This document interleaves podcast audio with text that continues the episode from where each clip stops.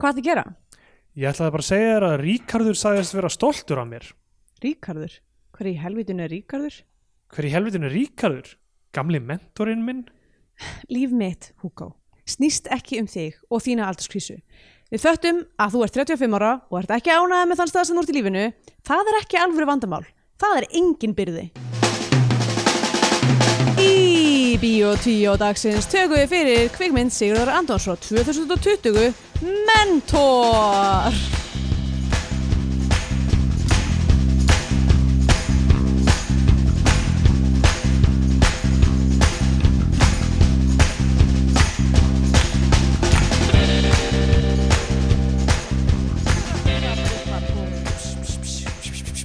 Þetta var uh, snerill. Uh, já, komið heil og sæl og velkomin í Bíó 2, hlaðvarpið um íslenskar kvikmyndir. Ég heiti Andrea Björk og hér með mér er Steindor Gretar Jónsson. Góðan daginn. Góðan daginn. Hvað sér þá? Bara fínt. Já, það er nú langt síðan síðast. Já, it's, it's come to this. Við erum, að, Eh, já, við erum með ekkert annað að gera. það að er, já, það er... Horfa áfram á eh, íslenska myndir. Ef við ætlum að gera mjög stutt recap, þá tóku upp síðast frá þáttin okkar á Röngen uh, bar sem fólk hittist, hittist saman á og Já. er saman nálaft tím- hverju Já, þetta er tímannir það sem návist var leifð, eða þú veist, semi. á, á, ásætanleg. Íslandi, já, Uh, en það er nú önnur uh, önnur saga núna, bæði á Íslandi og í Berlín. Hér erum við komin í okkar annað lockdown. Já, og það má ekkert gera nema að horfa á íslenska kvímyndir. nema að horfa á horfa á Íslandi eina sem má er að Það horfa er á skrítið, Angela Merkel var bara, það sem má gera eftir hverjandi, Já, horfa á mentor til Sigurður Anton. Það er einn af hlutum sem má gera. Það er nokkur hlutir sem má gera. En þetta er svona, þetta er svona hlutir sem eru ekki nefndir í uh, alls verbotenist það, það, er, það má, það sem er ekki nefnt það má. Já, já, það er, já, það er eins og ég veit þetta bara svo lappa í garðinum um daginn með Kristjánu og það var rosa oft sem við vorum að sjá tvo hunda að slást og fólk að standa í kringum. Svona, svona dogfighting. Nei, þú veist, þeir voru kannski bara í gannislag og þetta voru bara hunda eigendurnir en mér fannst ga- gaman að hugsa mér það að mögulega þá væri, þá væri þetta svona þú veist, eina sem að vera eftir því það er vissulega úti og það er ekki human contact. Það er rétt. Sem sagt, það hefur verið eitthvað svona það er eitthvað svona lúphóla Já, það hefur verið eitthvað svona fréttamannafundur með Merkel og hún er eitthvað herrið að banna, þú veist, ok, þau viljið Að fara að hittast og þau viljið eitthvað vera saman og eitthvað. Eitt svona, fyrirgeðu Merkel, fyrirgeðu, fyrirgeðu, má fara með hundarna sína saman og láta þá slást út í garði? Og hún er eitthvað, "Hva- það, það má ekki pynta dýr, eitthvað, nei, nei, ég er bara svona gamnislag, má það? Má, setja hundarna sína í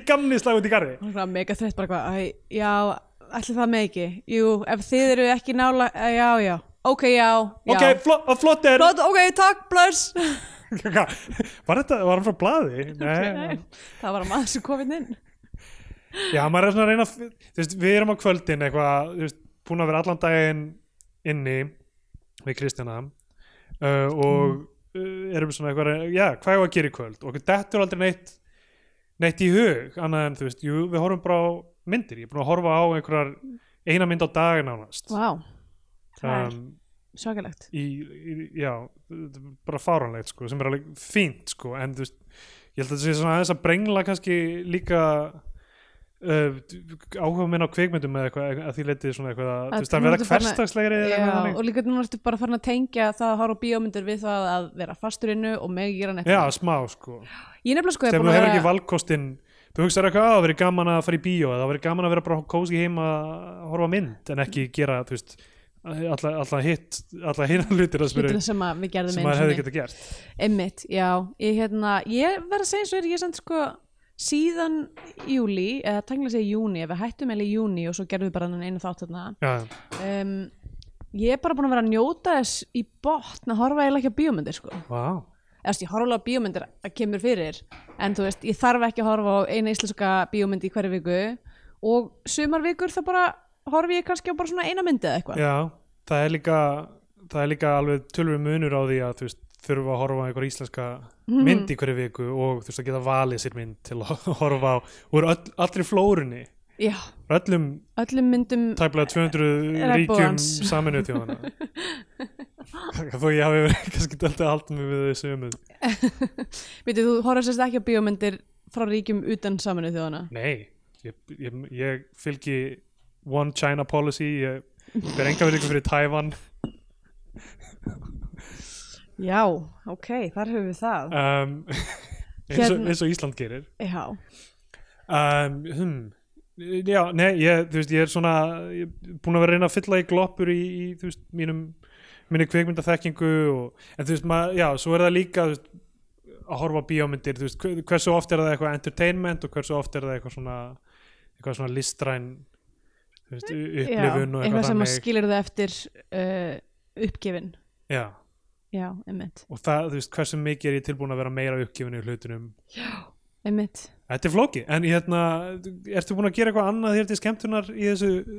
Mér finnst ég eins og þetta sé að byrja á neikvæðu nótunum við erum komin saman aftur til að taka Já, upp þetta er eitthvað annað okkur til Nákvæmlega, skemmtunar það má vera two households, baby!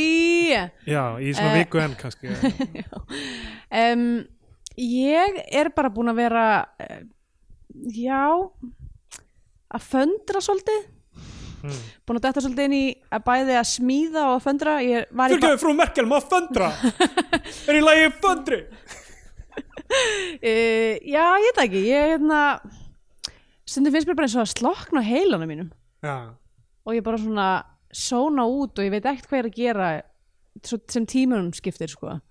Um, já, ég veit, ég veit ekki nákvæmlega hvað ég er að að segja núna en, uh, en ég held að þetta ár eftir að þú veist, ég ofta að þurfa að skrolla í gegnum sko símasamskipti bara til þess að reyna að vita hvað ég var að gera. Já, já.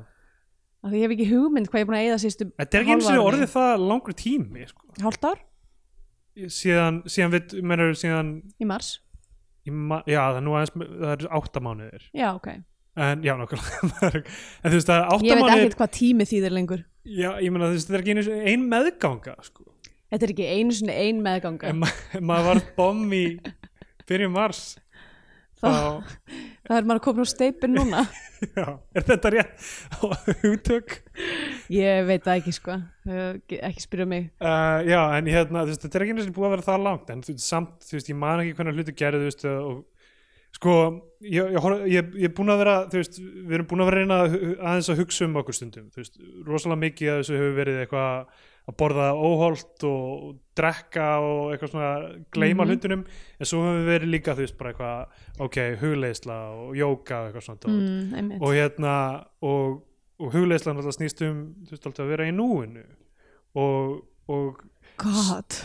Það er frekar styrlað sko, af því að maður er að hugsa veist, ok, þetta er allt sem maður hefur núna er, Já, er nútíminn, af því að maður er ekki að sjá fyrir sér framtíð og eitthvað, veist, það er, gerir maður alltaf bílan að vera alltaf, ok, eftir tvo mánuði þá verður komið fucking bólefni og já, þá verður við út að sprikla og eitthvað. En hérna, en þú veist, maður verður eiginlega að njóta stundarinnar sko, já. en stundin er líka alveg frekar veist, einsleit og, já ég er og ég er að tala um hérna tímaritið stundin. Mjög einsleitt blað. Hérna. Komið með nógu þessu samherjamáli uh, Já, ég veit ekki ég, ég nýtast bara svolítið að vera hérna, í, í bland. En ég reyndar finna sko til dæmis, eitt hlutur sem ég er búin að vera að gera svolítið er bara að ég er búin að vera að skrifa meira. Mögulega bara því að þú veist ég fæ ekki útrás í að performa af því að það er ekki í bóði núna þannig að í staðinn alltaf þegar ég fæ eitthvað svona rant í hausinn á mér og svo náttúrulega líka erum við ekki búin að vera að taka upp þessa þætti já, þar sem að ég hef aðalega verið að setja röndin mín. Algjörlega. Uh, staðið fyrir rönd um, og, og já, núna bara er ég bara komið með eitthvað svona stílabók full af einhverju stand-up-efni. Já, um, sem að, já, geta ekkert gert við en, uh, en það er flutta fyrir köttiðin já, einmitt, en það er allavega þá einn, einn hérna svona, eitt side product af þessu öll saman skrifa meira, ég veit ekki hvort það sé gott eða ekki en það er bara eins og það er. Já, maður leitar í, í listinnar Já, ég held að það sé bara út af því að ég er svona obsessively eh, upp, upp hérna, ég svona ég held að það sé hliðaprótut að því að vera frílansir að maður er pínu obsessed með hérna, framleiðinni já, af því það er ekki neinn svona tímar sem að þú ert bara klokkandi í vinnunni þú mætir ekki vinnuna og ferð ekki úr vinnunni þú ert bara, þú lifir, eða þú lifir sem listamæður þá ertu bara alltaf að velkjast í einhverju, einhverju poll uh, því, því sem eigins egos um, og já, þannig ég er alltaf eitthvað svona að reyna að mæla eitthvað, hversu mikið er ég að gera og þegar það er ekki hægt að gera neitt það er ekki hægt að, það má ekki, ég má ekki fara einu svona út og gera stand-up eða improv eða eitthvað að þá hérna, já, það, þá þjáist ég pínu, þannig ég er búin að vera byggja hluti, ég er búin að vera að byggja húsgögn bara þess að líða eins og sé að gera eitthvað það er fínt. Um, en já, það er svona um, ég held að það sé erfitt, erfitt fyrir fólk sem að þarf einhvern veginn að tikka í eitthvað svona, núna í dag er ég búin að gera eitt hlut, skilur hvað við?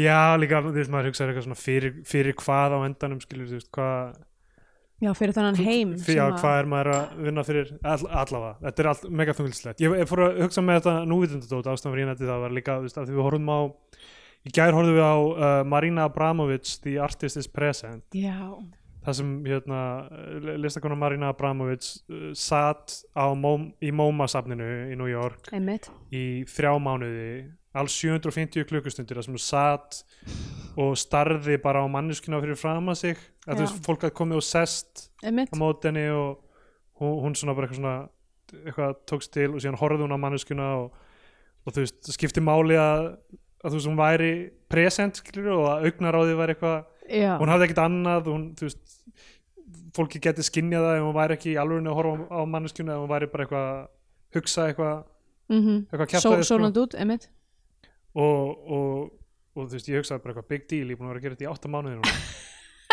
Ú, big deal, deal. Marina Abramovic hvað hvað er mín MoMA sýning já, nákvæmlega. Þetta er það sem ég hugsa alltaf að bara í máma Steindur sittur á nærbuksunum og spilar NBA 2K og Switch. Það er enda alveg svona uh, hvað heitir hún aftur? Uh, Tracy Emin-legt dæmi. Hver er það? Æ, hún er rosa típ svona, svona 90s svona lista, bresk listakona sem að hérna er fræg, mjög fræg fyrir að hafa gert verk sem heitir My Bed þar sem hún uh, eftir að hafa verið í ykkur þunglindiskasti í heilan mánuð og bara eitthvað svona í rúminu sínu að drekka vodka þá svona tók hún allt rúmið með bara eitthvað skítum nærbuxum og sígrætustöpum og vodka og, og hérna öllu og bara svona sett inn í já. og það var bara verkið ég meina þú veist, hérna ég I can do that. Nákvæmlega, nákvæmlega, hei, ég get sett þú veist, fucking hákalli formalín en punktur ner, but you didn't. Já, nákvæmlega. Ég, Þú veist, ég geti setið Nei, ég geti það samt ekki sko. Hvað setið svona lengi sko. ég bara er ekki með bakið í það lengur. Já, nákvæmlega. Það er eitthvað, eitthvað partir sem hérna, maðurinn hennar fyrirverandi er eitthvað að tala um þetta. Þú veist, þau gerði eitthvað svipa verk í gamla daga. Og hann er eitthvað, konur geta set, setið miklu lengur en kallar eitthvað feitar í rass eða eitthvað, held ég að punktur já, með verið. einmitt, hún er gott kusin. Uh, Ég var að tala um Mm, nei, ok, við sem sagt erum uh, hlustendur okkar hafa útvöð okkur já, okkur hefur ás, áskotnast nokkrar myndir til viðbótar. Já, og ætlum þess vegna að taka upp einhverjum nokkra þætti núna Já. bara meðan við höfum einhverja myndir að tala um. Þú veist, þetta er orðið alveg hérna, alveg rosalega lítið af myndum sem við hefum eftir að fá í hendurnar. Já, þetta eru, ég veit ekki, 20 myndir eða eitthvað sem eftir að fá í hend, hendunar uh, kannski hans meira. Uh, sumar eitthvað, þú veist, basically ófáanlegar. Já. Og uh, sjúðu mig Nína. Sjúðu mig. Um, eitthvað, þú veist, ert, ertu byrjað að ímynda þér að þetta sé bara eitthvað svona intro-lagið að henni, sé bara eitthvað já, ég er búin að búa þessa mynd til í hey, haustum á sjúðu mig Nína, sjúðu mig, já já, hei hei hó hó sjúðu mig Nína. sjúðu mig fína, segð mér þá. Um, já, og ég hérna er á síru, seg seg já.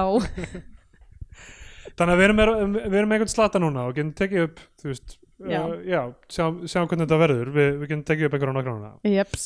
og við ákveðum að byrja á einni af nýjustu myndum uh, íslensku kveimyndasinnunar Já. Hún kemur út á þessu herrans árið 2020 já, þessu uh, þessu ári, já. Takk herra fyrir árið. Og já, hún kom út hvað í vor og um, ég, veit, ég veit ekki hvernig staðan var með, með bíóhús, hvort hún dreif í bíó eða ekki, jú, jú, hún dreif í bíó. Við, við heyrðum af því að fólk hefði að bóta af henni. Þess vegna veitum við að hún var í bíó.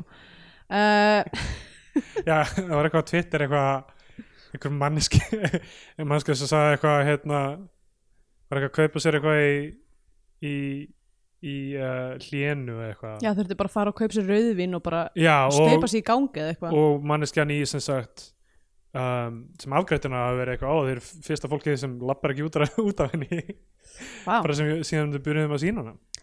Já, sem er áhugavert, þú veist, ég vil ekki dæma mynd út frá svona viðtökum fólks. Nei, um, þú veist, mörg af merkustu listaverkum mannkynnsugunar hafa verið miskil Marína talar um þetta í myndinu sinni þýlingu upphafning á henni Sigurður Anton okkar, okkar. Abramovich.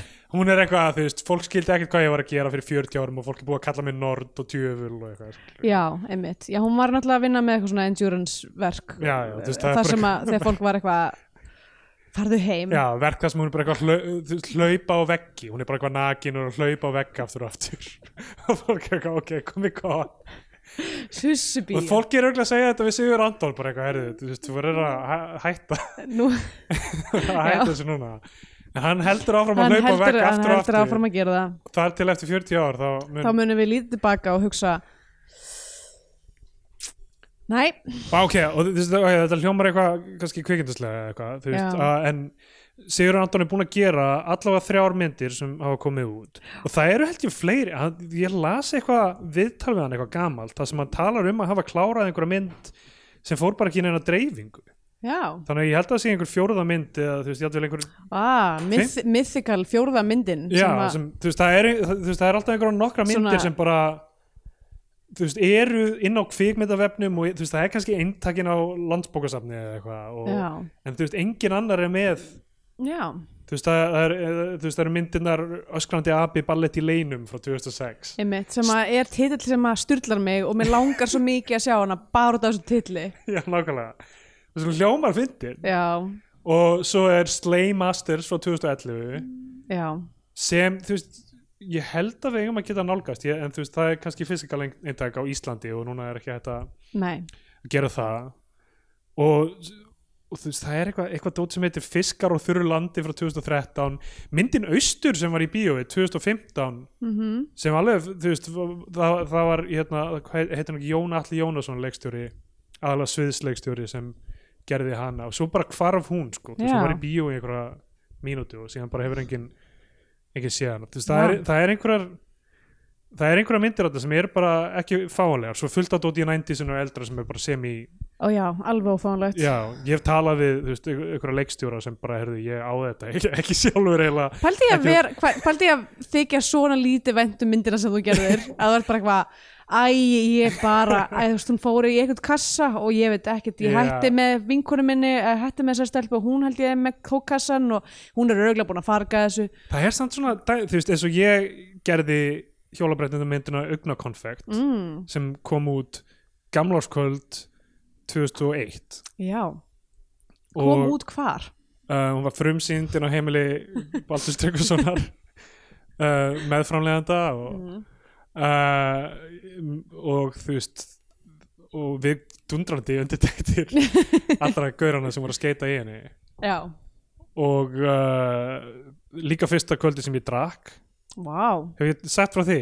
Ég, nei, ég Og- held ekki. og hérna ég þú veist var, þú veist, var nýbyrjar í MR og þú veist, drakk ekki að busaballinu en eitt þannig og fólk var eitthvað svona þú veist, það var alltaf einhvern veginn í þú veist, ok, ég verði einhvern tímann alltaf að, þú veist prófa eitthvað að drekka og uh, Æ, þú ert svo ótrúlega mikil dúla.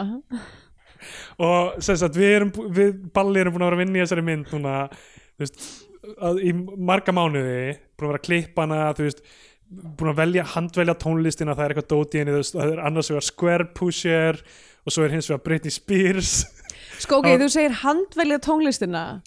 Er, eru einhverjar myndir þar sem að tónlistin er valin af að handaháfi? slempi vali Já, þú veist, við, við vorum alveg bara, ok, hvað, hvaða laga passar við hvaða part og eitthvað Ok. svona. Og vorum gæðið mikið að pæla í því og líka taka inn, þú veist, skeitarnir sjálfur eins og til dæmis Britney Spears lagið var beini frá skeitara. Ok, og við vorum eitthvað svona að, að pushing against it, skilur okkur fannst, okkur fannst ekki nógu cool, en við letum eftir og ég held að það var lagið Cinderella. Cinderella? já, Deep Cut, Britney Spears Hvað, hvað brittnilega er það? um, settið það í lok þáttarins Ok. þá getur fólk eitthvað alltaf búin að vinna í þessu sko. Mm. og uh, hérna og svo er, erum við bara, heyrðu við náum að klára þetta yfir jólin og allum að frumsynda það gamla skvöld í partíi hjá Balla og hérna og, það, og ég tala sýstir hans Balla er eitthvað, heyrðu, og rætta einhver eitthvað og ég eitthvað svona, að getur bara þú veist, eitthvað Nei, ég, ég held ég að einu sinni tala við hana áður um eitthvað, fyrir eitthvað ball þar sem ég var að kaupa hérna, þú veist, þrjá miller fyrir mig eða eitthvað, hún er eitthvað þrjá? Og ég eitthvað, "Ó, nei, fó- fó- gleymdu ég bara, ég slepp þessu. Eitthvað, eitthvað svo, þú veist var að reyna og var strax veginn mér til skammar fyrir að vera ekki að drakka nú mikið. Allavega, svo enda ég, ég þannig að byrja um að kaupa kippa miller, ég veit ekki hvað er svona fast fyrir miller. Og svo ætlum við balli að svo ætlum við að balli að deila hérna flösku af kafti Morgan svona lítilli, svona eitthvað súpa af henni. Og strax svo ég er búin að súpa á Miller svona yfir myndinni og allir er eitthvað, ú, klapp eftir hvert part og að gýra þær, svo eftir myndina og þetta líka þú veist persónulegt fyrir mig á því ég hefði lendið smá einelt í þessum vinahóti ah. en eftir þú veist, þessa mynd þá voru allir bara eitthvað svona hrópa nafni mitt og balla eitthvað svona, þú veist, eitthvað svona ha, þú veist, hampa okkur þýrit fyrir að hafa klift þú veist, látið að verða að gera fólk var eitthvað, gerum skeitmynd, þú veist eitthvað, gerðu það aldrei, við framkvæmdu það. Og ég held að þetta sé ákveðið svona ákveðið svona defining moment fyrir mig sem eitthvað svona, svona doer, að þú veist hvað ég fekk mi mikil Ég held að við, jákvæð ég held að við enginn aldrei endur tekið hrópa nafni mitt fyrir nokkuð sem ég hef gert. Þannig að ég er bara vel aðbriðsum sko. Náka, já, þetta, þetta er svona origin story einhvern veginn. og síðan hef ég verið með einhverjum drifkraft sem gerir alla pyrraða allavega, og það er bara eitthvað hei, hei, hei, stay door, stay door, eitthvað þannig. Og einhver rétti mér kafti morganflöskuna og ég bara byrja að drekka og ég veit, Oh ég veit ekkert hvað ég á að drekka mikið. Þannig ég bara svona glúk, glúk, glúk, glúk, glúk, glúk. Eitthvað, þú veist, eitthvað svona jafngildi eitthvað sex staupa eða eitthvað, ég veit það ekki. Bragðast eins og svona mild og eitthvað þægilegt rom. Og Gimmi vinur minn hérna, segir strax eitthvað herru, djöðs vitlis ertu. Og mjög skömmu setna er ég bara guppandinn á klósið Æ, en enga síður jákvæm minning svona, almennt, fyrir Almennt. gubbið og, og það allt já, já, já, já mér leiði allt í lagi eftir það held ég sko. Ég held mögulega ef, að, ef, að, þú veist, ef, ef einhver hópar fólki myndi hópast í kringum mig og Hrópa nafnum mitt aftur aftur ég myndi örgulega líka stúta heilli flösku af einhverju sko já, bara að því að maður gýrast, Ma- maður verður upp algjörlega. veðraður þú veist, ég, ég var eitthvað 15 ára þú veist, mjög svona hérna, lítið sjálfströðust og eitthvað það, en allavega það sem ég er að segja myndir Dúlli augnarkonfekt sem, sem skiptir mér svona miklu máli. Ég bara einhvern veginn týndi þú veist, masterdum að henni sko. Já, ok. En síðan, ég held ég hún hafi fundist einhvers staðar strákarnir horfðu á hana eitthvað þau fundu ykkur á kópi á henni eitthvað þannig að hún er hann úti. En ég hef ekki séð hana þú veist, í, í örgulega átján eitthvað. Vá. þannig að hérna Þannig að þú skilur þetta fullkomlega? Ég skil það að, að týna veist, og, ég meina fólk er alltaf að harðir diskar er að fokast upp. Ég á einhvern harðar disk sem byrjaði bara þú veist, alltaf því ég stand- stakk honum í samband og bara sloknaði á tölvunni fór með hann í viðgerð og þeir bara eitthvað, já, engar ágjur, eitthvað, tjekka hann stungun í tvær tölvur og bara drapa á þar tölvutana bara, eitthvað, þú verður að taka bara hamar á þennan harðardisk, þú verður bara að drepa hann. Er þess, það, er, það er draugur í þessum harðadisk og hann verður að fara. Já, bara einhver poltergeist. Það er eitthvað, letið þið fá svona númer sem var eitthvað talaðu við þessa konu. Þetta mun, líta, þetta mun vera mjög skrítið en hún hefur sínar leiðir. Mæti eitthvað einhverjar nornar sem er með eitthvað, augun ránkólvist í haustum á henni og hún er bara eitthvað s- "Ah, særa út djöfulinn í harðadisknum the Shell. Ka- Frú Merkel, má ég fara með harðardiskin minn til djúlafullar spákonu? Hvað er þetta? Við erum að taka hana manni hann út. Uh, allavega, mentor uh, og við höfum talað um Jú, af því að kirkjuhald er ennþá leifilegt Já, kirkjuhaldi er leifilegt hérna Þannig að það tækla sig að ég menna þessi spúki kona er örugglega með sitt eigi trúabræð. Nákvæmlega. E- Eitt bræð, ekki mörg bræð Eitt trúarbræð Já. um, Sleight of hand. Og já, ok, með mentor og með þessar myndir Sigur Antons Já. sem eru, þær sem hafa komið út eru webcam og snjór og Salome. Já, og við höfum verið uh, almennt þú veist, og, og þú veist, við höfum gert það þegar við höfum talað um aðra myndir eins og þú veist, glæpur og samviska og svona, þú veist, allar þessar bæjarmyndir, þannig að ditt og döðu kötturinn og þriðja nafnið og þetta dót þegar þú veist, einhvern veginn svona fólk dröslast til að gera bara mynd saman Já. þú veist, er að maður allavega með, maður svona bara já, heyrðu, Já, flott þú einmitt. þið, þið, þið gerðu þetta skilur, þú veist, það var kannski og Sigur Anton er búin að gera þetta núna nokkrum sinnum og ég, ég veit ekki til þess að hann hafi fengið ég held að hann hafi aldrei fengið kveikmyndasjóð styrk. Nei, að, þú veist, ég, eh, ég geti haft ránt fyrir mér og, og, en, en ég held allavega að síðustu tvær séu algjörlega án styrk svo. ég held að hann sé bara í ónáðinni ég, ég bara veit ekki hvað þú veist, kannski fólk pyrraði eitthvað þú veist, hérna, akkur heldur hann áfram að gera myndir þó að við séum alltaf að segja um hann ekki að gera það Já, meint nákvæmlega Nei, ég meina, þú veist, ég myndi ekki að hann sé ónáð en bara, þú veist, að þú veist, um, þú veist, þú veist, fá bara pening til að gera bíómyndir þótt að maður sé bara eitthvað, ok, þessi mannskjá ekki Já, hver er að Skilur gefa hann þennan pening? Hvaðan er þessi peningur að koma? Ég held að hann sé bara fjármálunda sjálfur, örgulega Er hann, þú veist, er hann alltaf Ég meina að það er 100% og það sést að langar leiðir að þetta er gert alveg á hnefunum. Já, já, Þú veist, hún er ekki líst nei, nei, Það er ekki, það er ekki, það er ekki eins og kreditar ljósamæður, held ég, sko. Já Sko, eins, eins og webcam er, þú veist, mikið af henni gerist líka bara svona inn í herbegginu hjá henni, þú veist, og okkur fannst webcam allavega áhugaverð. Já, þó ég, þú veist, svona al, almennt hafi séð, þú veist, það sem það sem skadaði hana var þú veist, svona reynsluleysi í rauninni bara í Mm. svona, að mér fannst handritaskrifum, mér fannst bara, þú veist, rángar áherslur og eitthvað svona, þú veist, hægt að tala um það fram og tilbaka, en hún var allavega, þú veist, að reyna eitthvað. Mhm. Og svo kemur Snjór og Salome sem við, ekkert langt séum við horfum á þannig sé, árið eitthvað þú veist, ég meina, tíminn er afstæður núna en, Bæði fimm ár og tvær vikur. Já, einhvern veginn. Og skildi ekki mikið eftir sig. Já. það var eitthvað svona þú veist, hún, hún var svona meira út í komedíu en Mhm. það er eitthvað svona, það er eitthvað svona erfið orka í komedíunni. Sko, það, og, ég hérna, ok, það, mitt teik hérna, ef við ætlum að byrja bara að ræða þetta, já, já, uh, ef við ætlum að byrja á efnistökunum, uh, sko, ég fílaði webcam ákveðlega, bara svona sem eitthvað svona, hérna, frumraun og, og bara einhver, einhver pæling. Um, en svo er mitt eitthvað, kemur Snjóru Salome sem á að vera eitthvað svona aðeins fyndnari og hún, það er eitthvað, bara hún, veist, ég, þetta virkar ekki fyrir mig, þessi, Já, já. þessi húmor sem þetta á að vera.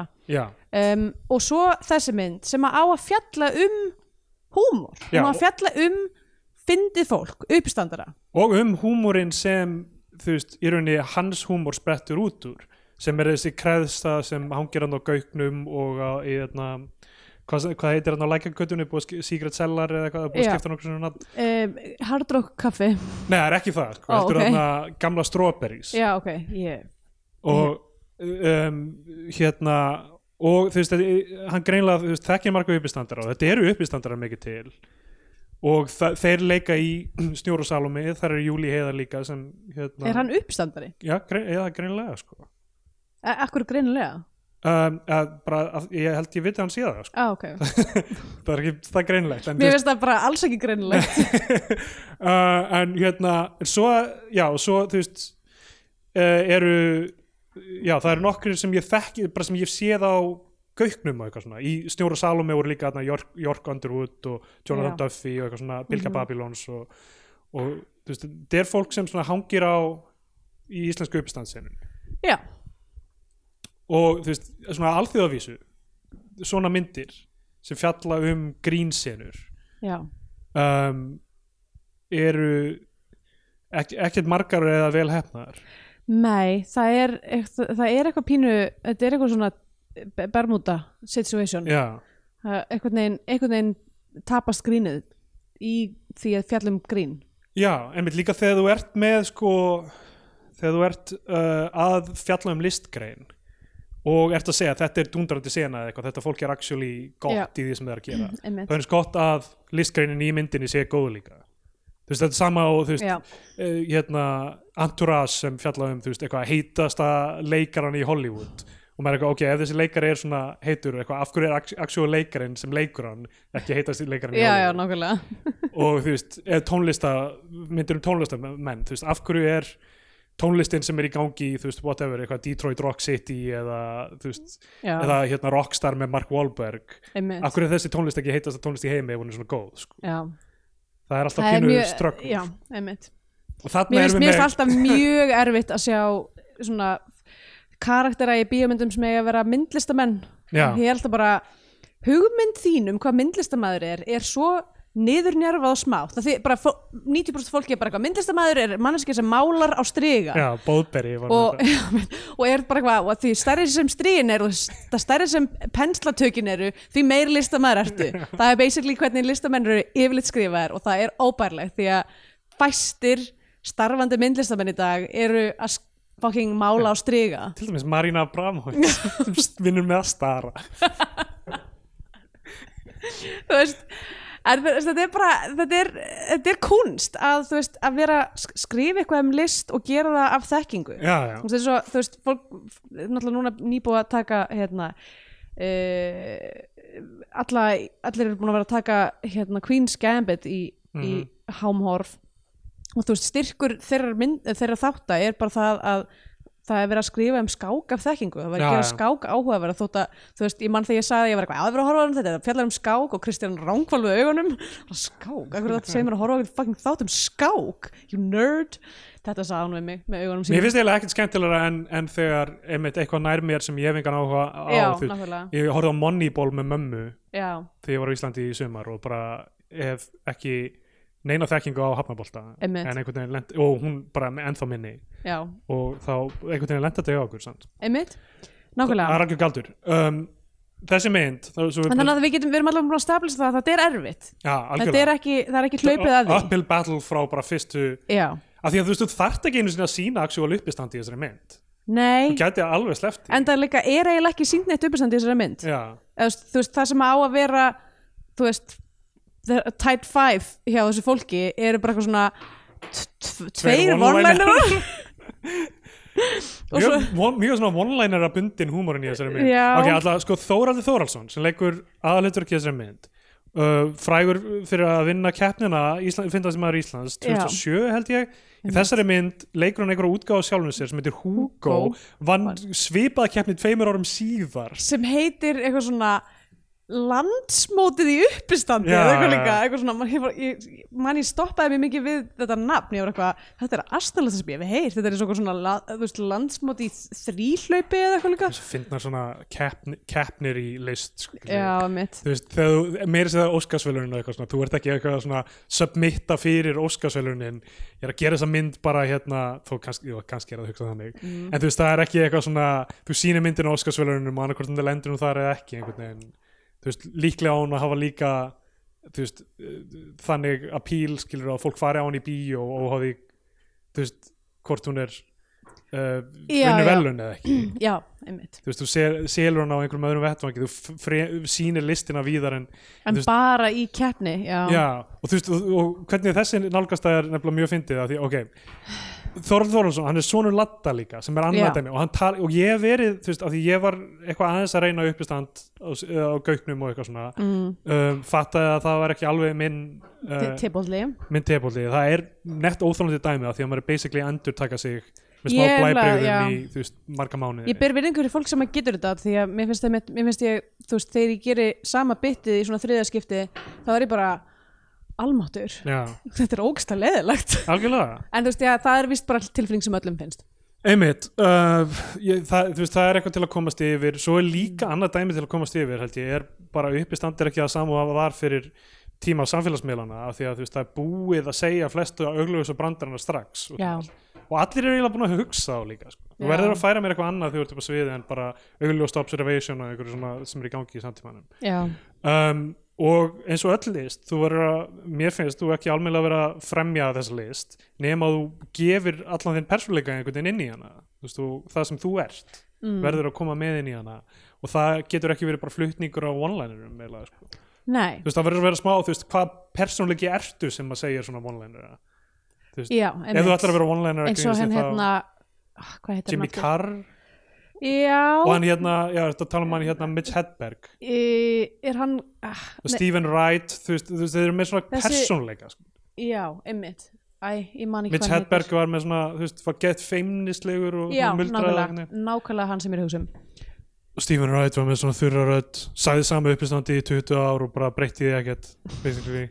en bara Þú eitthvað svona orkan var það sem var já, að- einmitt, það þarf að vera einmitt einhver svona, í rauninni einhver trúður uh, já, já. Sem er að gera uppstandið til þess að það virki. En allavega uh, Ég, ég, já, ég ætlaði að segja með Þórall er að ég, því ég hef séð hann á gauknum var Mhm. þá gott ef hann nefndi ekki bæði að hann væri svona latta og hann hefði unnið finnast maður Íslands. Þetta virðist vera mjög mikið bara að skrifa í kringum hann. Já, já, þetta væri eitthvað svona running joke hjá honum sem mér fannst ekki virka því að mér fannst að hugsa veist, það setti mig strax í þú veist, ó, ok, akkur á ég var að hlusta á því núna? Já. þú veist, einhvern veginn what, you know, what have you done for me lately? Það er samt náttúrulega er eh, brandari sem er oft uh, endurtekin í þessari mynd. Já. Hann vann þetta mót 2009, Hugo. Hann er að flytja sett í byrjunmyndarinnar á, til Secret Cellar. Og uh, svo sjáum við uh, Sonju Valdin Mhm.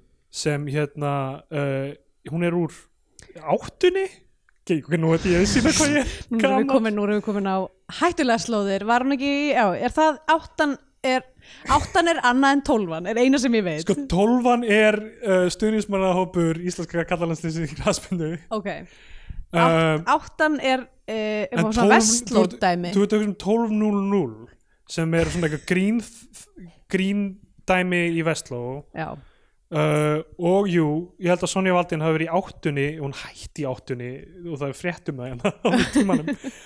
Uh, Sonja Valdin hætti í áttunni. Samfélagsmiðlahópur heitir það. Það, ég held að við sprottið upp úr Vestló. Það er eitthvað svona ný, hérna, metusuhópurinn fyrir nýja þúsöld. Já, svona bruni B.B. fyrir 27 stöldina uh, þeir gerðu lægi nei, nei, nei, nei, nei, nei, nei þú múst ekki fara rétt með það, það er nei, nei, nei, nei, nei, nei, ég gerði að sagði það, nei, nei, nei, nei, nei, nei.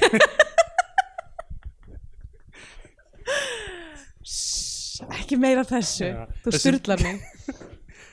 Þessi mynd mætti hafa hérna, orðið nei aðeins meira í huga svona í gegnum hana. Já, ok, Sonja Valdín, hún er að horfa á, hún eitthvað svona fyrir á clo closet að fela sig frá dýraverðinu þarna hún er satt undir aldri á barnum og dýraverðinum liggur rosalega mikið á að henda sem, sem við erum alltaf að sjá á börum miðbæjarins er að þau svona, svona gellur svona undir aldri. Er dýraverðin hætti ekki fyrir þeim tekst að fleia þeim út á staðnum. Er bara, við viljum bara gamlar konur hér segja þess uh, já, og það er eitthvað mjög skrítið þú veist, ég veit ekki hún er sko eitthvað 22-30 núna. Já, 21-20 þegar þessi myndi gerð en á að vera 17 ára já, emmitt og þessi ákvörðun náttúrulega eitrar alla, alla þessa mynd sko, að hafa hana svona unga. Akkur, um, að, þú veist því að, að eitrar það að því leiti til að handriðsöfundur getur ekki hamið sig að Já. láta allt snúast um það. Já, emmitt um, að hún gagvart aðal, kallkins aðalpersonum er Já. alltaf eitthvað svona stelpa undir aldri sem spurningin er alltaf þú veist eitthvað á ég að sofa hjá henni, er það í lægi að ég sofi hjá henni? Á ég að sofa hjá vinkoninnar um, þannig að þú veist það er ekki einu sinni vingillin uh, hérna þú veist get ég uh, eitthvað svona geta kallar og konur verið bara vinir? Heldur Já. líka heldur, geta kallar og konur sem eru skuggalega ungar með við kallana verið bara vinir? Er það spurningin í þessari mynd? Hmm. það er s- Mm. sko mér, mér fannst þetta mjög óþægilegt að því að núna, ég, núna var, bara eftir, að- eftir að þetta var established þá var ég bara ok ég er ekki við sem ég treysti handriðsöfundi fyrir þe- þessu, þessum kólamóla Mm. uh, og sem var heitur kartöflu bara býðandi eftir því að þetta myndi verða óþægilegt Já. og svo myndin var að mörguleiti til oft óþægileg Mhm. um, það sagði fólk líka um verk Marinu Abramovic. Rétt. Uh, þannig að þú veist, kannski erum við að tala um eitthvað eitthva, eitthva bra, blað brotið hérna í sögu íslensku kvimnigerðar en allavega. Af því hún sko, situr hún um honum, fyrir honum og segir bara, heyrðu, viltu þjálfa mig upp í að vera með upp í stand Já. mér langar að fara og keppa í hérna, landsins finnasti, grínasti eða whatever. Mm -hmm. um, og uh, viltu hitta mig? Já, og hann er strax bara eitthvað, ú, hún er að reyna við mig. Og, og vinir hans eru bara ú, hvað er í gangi, og Anna Hafþórsdóttir sem leikur uh, meðleiðenda. meðlegendan sem hefur ekkert annað nei, að gera í myndin en að vera pyrruð á honum. Um, er hérna er bara eitthvað, þú veist, hvað heldur þú sért að fara að ríða henni, ertu að, þú veist eitthvað svona, bara, hvað er í gangi með hérna, hann er að horfa á eigin uppistand í sjónvarpinu og hún byrjar að, þú veist, rosta hann fyrir það og svo er hún bara eitthvað, hvað heldur þú sért eitthvað að fara að ríða sér stelpu, af hverju hafði hún eitthvað áhuga á þér yfir höfu til að til að þjálfa sig? Já. og af hverju hefur hún, þú veist, ef hann vann þetta mót fyrir, þú veist, einhverjum ní- 11 árum Mm. af hverju hefur hún áhuga á að hann þjálfa það kemur fram setna í myndinni. Já, af því að hún hafði heyrt hann segi hún, já, það kemur alltaf fram setna í myndinni að hún er basically uh, í á okkur svona hemdarkvesti um, sem sagt að, að í raun að dönga á uh, uppstandara sem að kom illa fram við hana og notaði brandarana til þess að vinna keppnina árið áður. Já, og hún sem sagt nótiraði það uh, í þeirra kottahjali að hann var alltaf að nefna þennan Hugo gæja. Já. Og- en Hugo nefndi hann aldrei. Já, hún, að því að Hugo tala bara um sjálfan sig. En þú veist, hún hefur aldrei talað við Hugo fyrir en þarna þegar hún byrður hann um hjálp samt. Já, að, hvað, akkur nei, það er því að ég er að segja þú veist, hún veit ekki þá að hann talar aldrei, hann hatar ekki hérna, Júli Heiðar karakterin já, ég held, að það, ég held að það skiptingumáli fyrir Já, hana en- sko. já, en þú veist þannig að hún vildi fá hjálp Hugo frá bara- mannin sem fer mest í taugarnar á Já. Júli Heiðar. nákvæmlega. Já, en ég held hún nefni það samt eitthvað svona en þú talar aldrei um hann eða illa um hann eða eitthvað þannig. Já, það, Það er kannski bara svona sæt-. Já, það er bara Ok. auka. Ok. Um, og uh, hún vinnur á kvikk. Já, á benstistöð þar sem yfirmaðurinn alltaf að öskra á hana einmitt. Uh, og hérna hann, hann fyrir hann til hennar einhvern tímann eitthvað hitt hana þar og hún er með einhvern, einhvern brandara um, nei nei uh, hann segir einhvern grófa brandara. Ég veit ekki, ég er, að- ég er að reyna að muna þetta ég því, Sko, ég man ekki eftir neinum bröndurum ég man eftir nokkrum bröndurum af því að ég nótir að hjá mér annarkort þeir væru, þeim hefði verið stólið eða þeir væru rasískir. Já, tveir flokkar. Já, það var um, eiginlega og e, actually einum brandara sem ég fannst nokkuð góður en var spilaður í myndinni sem lélugur brandari. En þú komið að því eftir. Ok, alltaf lagi. Um, Ég meina svona, þú veist, öll samtölina því að þú veist, svo mikið af þessu á bara að vera eitthvað svona, hún að tala við yfirmann sinn og það á að vera eitthvað fyndið samtal og hún að tala við vinkonu sína og það að vera eitthvað fyndið samtal og þú veist, Hugo og, tala við mömmu sína og litlu sýstu sína sem talar uh, alltaf spænsku það er svona pönslænið hennar. Já, hún einmitt er alltaf að segja hluti á spænsku til að dagga á fólk. bara, þú veist, ég, því miður þá bara höfðar þetta, veist, e ekki þar sem samtölum er, er neitt annað en filler í mínum huga. Já, algjörlega sko. af þau eru bara eitthvað svona observational og þau hafa svo lítið með framvindu myndarinnar að gera sem er samt alveg, þú veist, það eru heil mikið af, af story elementum sem er búið að tróða saman þú veist, alls konar. Já, já, uh, þú veist, það er mjög augljóslega þú veist, verið að vinna með eitthvað hérna journey og margt sem að hefur verið bara gert hreinlega í öðrum myndum sem að er, þú veist, bara nota líka. Um, en þú veist fyrir mér þá bara pönsjar grínið ekki út af því að það er ekki tengt við neinu. Já, og líka, ég meina allir karakterin eru með eiginlega sömu orku skilur, Já. sem er eitthvað svona roast orka, skilur, eitthvað svona Einmitt, ég skrifaði Mm, nákvæmlega þetta. Hljóma allir eins, tala allir með sömu töktum. Já, eitthvað svona græna herbyggi eitthvað svona dönga hver á annan eitthvað Einmitt. Sem að, já. uh, höfðar ekki til mín. Nei, ég meina, það er ein- einhverju erfiðast orkan sko, það, já, það er sko, þetta er svona þetta er, sam, þetta er nákvæmlega sama orka veist, ástæðan fyrir ég nenni ekki mikið að gera uppstand út af því ég bara nenni ekki að vera í herbyggi með ekki mikið uppstandurum já, og sama, að samaskapi þetta er ástæðan fyrir ég hætti heimsbyggi já. Ég bara nefndi ekki að vera inn í herbyggi með ekki mikið einhverjum gæjum með óbærilegar húfur.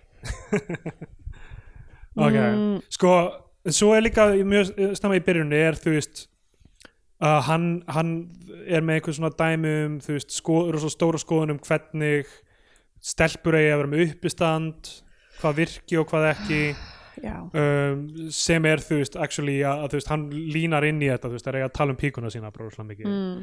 og þú veist, og það, það svona snemma í myndinni er eitthvað svona, þú veist, 10-20 ára gamall debat um hvort konur séu fyndnar. Já, þetta er svo ókslega gamalt fucking take. Já, það er svo mikið af svona gömlum bara það er ekki búið að útkljá þetta eða eitthvað, er ekki búið að útræða þetta? Það er eitthvað svona brandarar um sushi eins og það sé bara eitthvað að nýjast á markaðurum, bara eitthvað hvað er nú þetta eiginlega? Er það samt ekki, ég held að ég var alveg vissum að það væri ástæðan fyrir því að sábrandar eru þarna til þess að sína hversu mikið staðnaður Hugo er sem persóna, hann hefur ekki eins og mikið sushi Já, að, að sem sagt, hann sem persóna, ekki sem grínisti Nei, bara sem manneskja Já. almennt, bara allt líf hans er bara Já, staðnað. það er eitthvað alveg góða punktur. En þú veist, svo byrjar hann að jóka með, þú veist, hann lítur á að séð sushi eða heyrt um það sko. Já, það held ég og er ef, bara þú veist, að við, vera að við eigum að trúa að hann sé góður grínisti Já, Mér finnst myndin alveg leggjaði upp, hann er ekki eitthvað ég menn hann lifir hann á lifir á sig. þessu Fucking- hvað er þessi margir á Íslandi sem lifa á því að vera grínist hann Ég held ein, ein manneskja og það er Ara Eldjárn. Sko, sko á tímabili þú veist pre-covid þú veist þá, ég held að það sé alveg svona tíu manna hópur sem er að flakka á milli Árshátíða. uh, ársátíða og eru einstaklega sem einhverja sýningar og svona og fær eitthvað svona sem er svona uh, peripheral, gig einhver svona kannski fær einhver gig til að skrifa eða, eða þú veist mm eitthvað aðeins, eitthvað sjónvarps hérna, whatever sko, í tengslum við það þá veit ég ekki hversu á að ganga, lang, hvað ganga langt varandi, þú veist, eitthvað Dóri Díana að skrifa skáldsögu eða eitthvað vínbar eða eitthvað þannig en þú veist, Það er, hvað, kannast það ekki við það, það pipeline uppstandar í Vimbar? Be Bergureppi að hérna,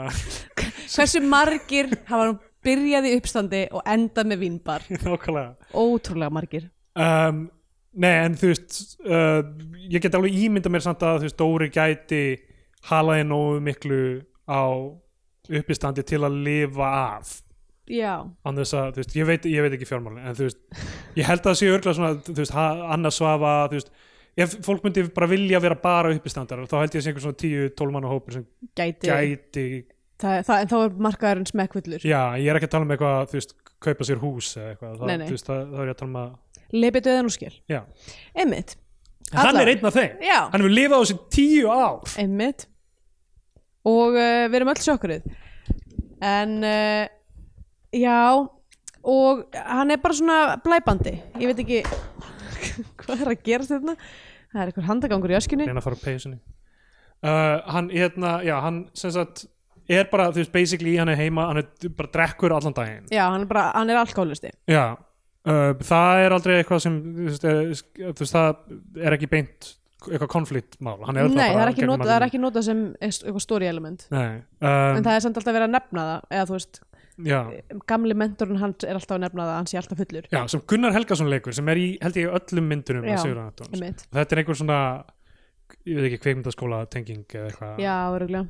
um, en þú veist, Gunnar Helgason er þú veist, í senum sem voru líka teknar upp á einum degi þú veist, hann, bara hann og Þóraldur Já, einmitt. Hann er alltaf að koma heimsækjan og bara eitthvað, hei, akkur hættur í uppistandi? Eitthvað, ég, hérna ég veit ekki, ég er hann gamall mitt. eitthvað, whatever, eitthvað, þú, ættum að fara þú veist, draga þig fram aftur maður, eitthvað, Og hann er bara eitthvað svona útfarsmaður, hann er ekki uppstandari eins og við, eins og við erum búin að establisa, þá er uppstand búið að breytast tölvert frá, frá dögum radísbræðra. og svo deyr hann bara eitthvað off-screen. Já, eitthvað, að, bara, vissi ekki að hann fikk heilablóð það er svona eitthvað moment fyrir, þú veist, þessi karakter þjónar bara tilgangi að Þóraldur getur verið eitthvað, oh fuck, döðin er nær. nær og þú veist, ég er hún gamall og ég þarf Ég að að hugsa um hvað, hvaða stimpil ég skil eftir á þessari jörð. Um, svo, ok, vinkona uh, Sonju já, uh, mér finnst hún eiginlega eina góða þessa mynd. ok, finnst þér það make a sense til dæmis að hún sé svona spennt fyrir uh, Hugo. Nei. að hún sé bara eitthvað við verðum bara að fara í þetta partí til hans. Og, og hætti Sonju við að fara, hún bara ég ætla að fara ein og ég ætla, hún er eitthvað 17 ára og er bara eitthvað, ég, bara, ég skal sína hvernig að gera eitthvað strikkjusleiki og Ég er nefnilega að upplýða hana sem bara eitthvað svona, eitthvað svona chaos agent. Já, af því að hún var ekki, hún var tækilega sér ekkert eitthvað að reyna að ríða Hugo. Hún, var, hún sagði með þess að bara eitthvað, nei, ég ætla ekki að gera það þú mér fannst hún sem hún hefði sagt einmitt mjög stemma eitthvað sem var eitthvað svona þú veist, jú, hún gaf eitthvað til kynna held ég bara í byrjuninni og síðan ekki lengur. Já, af því síðan var hún bara eitthvað mætti þetta matabóð til þess að bara detta í það og vera gett full og sopna á sófunum því hún sagði eitthvað svona, "Æ, ég er á túr, ég er nú ekki að fara að ríða nennum núna sko. Já, já, eitthvað, hann, hann virkar á mig eins og hann sé hérna Pempia já, já og þú veist, hún er svona, eitthvað svona cool girl Já, einmitt. Hún er, þú veist ég, ástæðan fyrir ég segja, mér fannst hún eiginlega eina góða þessar myndir að mér fannst hún bara vera hún er að hafa gaman að þessu og já, og einmitt, og hún er actually með eitthvað svona screen magic. Já, mér finnst það mikið vandamál en náttúrulega ég held að margt af þessu er náttúrulega bara stendur og fellur með því að myndin er ekki líst og er tekin upp á gamla mæjunustós uh, þú veist það, og þú veist ég held að sé ekki smink til dæmis ég bara þurfti að, þurfti að horfa inn í þú veist ennishólunar á svo mikið af fólki og ég var bara, það er engin, er þetta tekið upp í svona 12 römmum á sekundu þú veist, sorry, ég, það, núna þarf ég að rasa lúkkar nú- núna sko. þarf Ég að bara- rasa já. út af því að þetta, þú veist, ef við ætlum bara að tala um tæknilega aspektin, flesti punktarnir mínir hérna eru um tæknilega aspektin, það sem ég bara ok, hefði drepið að setja smá grein á þessa mynd já, bara, þetta er, þetta er, þetta lítur er, og svo er, sko, handheld hefur sína svona, þú veist virtues, þú veist, Já. það er alltaf lægi stundum, stundum er það fallegt stílbræð að taka eitthvað svona smá handheld situation, en þessi mynd er bara tekin upp með höndunum, þú veist það er má, sko, Steadicam kostar ekki það mikinn pening. Nei, bara, og, þú veist, fucking úlingarnir í áttinni er með Steadicam í vasanum sínum, skilur já, já. Þetta er ekki erfiður hlutur til þess að redda Einmitt, það, Og- veist, það er það sem ég finnst sko. Og þú veist, það er, það er eitt, sérstaklega eitt atrið þar sem að þau eru þarna eitthvað, hún er búin að sofa hjá þessum uppstandara sem mætir bara eitthvað að, að ógæslega um sena sko. allavega. Og ég sé bara á því hvernig myndir hvernig myndir, sko ég fekk sjóveiki á að horfa á þetta. Mm. af því að þú veist það, það er ekki búið að þú veist, það er ekki búið að warp stabilisa þetta eða neitt, þetta er bara, þú veist, þetta er bara dansar fyrir augum hans, Já, að, það, að því að hann stendur bókstæðlega með myndavélina í rúmi Já, og getur ekki haldið sér beinum að því hann er í rúmi ah!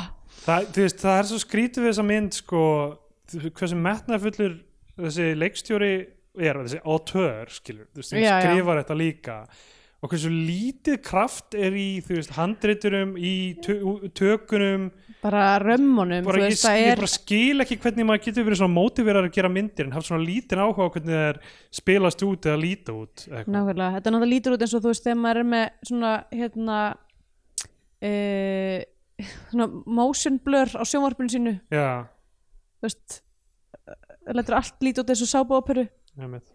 Æ, ég, allavega, sorry, þetta er bara, ég þurfti, ég þurfti sko, bara, af kom, ég þurfti bara komið svo út, ég held að þetta sé sko, frekar heldur en, ég veit ekki hvort að efnistökin hafi farið svona ógstað mikið fyrir brjóstafólki, uh, talandi um, þú veist, fólki sem að labbaðu út, ég held að mjög stór hluti af því hafa labbað út, ég var að horfa á þetta bara á tölvuskjánum mínum og mér fannst þetta óbærlegt, ég myndi Já. það er að vera í bíói, Já, já, að horfa á, að sko. að lítur bara ógeðslega Já. erfitt. Já, já, og ég meina efnistökin eru líka, þú veist, grunnpremissan er náttúrulega mjög bara döll, skilur, það er eiginlega ekkert í húfi Mm. og ekkert sem skiptir máli og þú veist, það, þannig að þú veist, þessi keppni síðan sem er í lokin lítur út þess að þessi svona fimmans á henni, maður er eitthvað, Já. hvað máli skiptir, það er eitthvað kassar af bjóri í velun, hvað máli Það er samt ógeðslega, sko, ef það hefði verið, ef, ef, ég hefði svo miklu frekar vilja fá mynd af, að þú veist, að eitthvað í myndinni fjalla um hversu, eitthvað svona lítil og sad þessi Já, sena ef þetta er. verið svona low stakes þú veist, ef þetta væri bara hérna, svona best in show eitthvað, Já. hérna eru bara einhver menningarafkimi það sem er einhver weird fólk sem er að þeirra weird og við erum að dásta því hversu weird það er og hversu spennta er fyrir þessari senu sem það, þú veist, sé, allir aðrir horfa á er bara eitthvað, just weirdos Já. það væri falleg sjóna þetta kannski. Mm, en það er ekki það sem við fáum sko. En ok, það sem ég ætla að segja sem var brandari sem ég fannst góður, er í þessum matabúði það sem hann býður 17 ára vinkonu Sonju í matarbúðið og allir eru bara eitthvað svona eitthvað, finnst það grós yfir matnum. Já, og svo er það að tala um eitthvað svona eitthvað, hérna Magni var ég á móti sól, nei, nei, nei það var eitthvað svona hvað lag, hvað hljómsveit spilaði á, þeir að djóka með hvað hljómsveit spilaði á busaballinu þínu já. eitthvað. og hún, hún er að tala um eitthvað, ég man ekki einhverja mótin hljómsveit sko Mm. og, og spyrja eitthvað, hvað, hver spilaði á það var Sóldögg, hérna, Beggi Sóldögg og eitthvað, það bara, byrju, nei, byrju var ekki Magni, nei, hann var í á móti sól og svo, í hvað hljómsveit var Helgi Björns hann var í SS Sól og þá segir stelpan sem er karakterin heitir Athena uh, ó, ég held að það veri sólinn hans Jóns míns.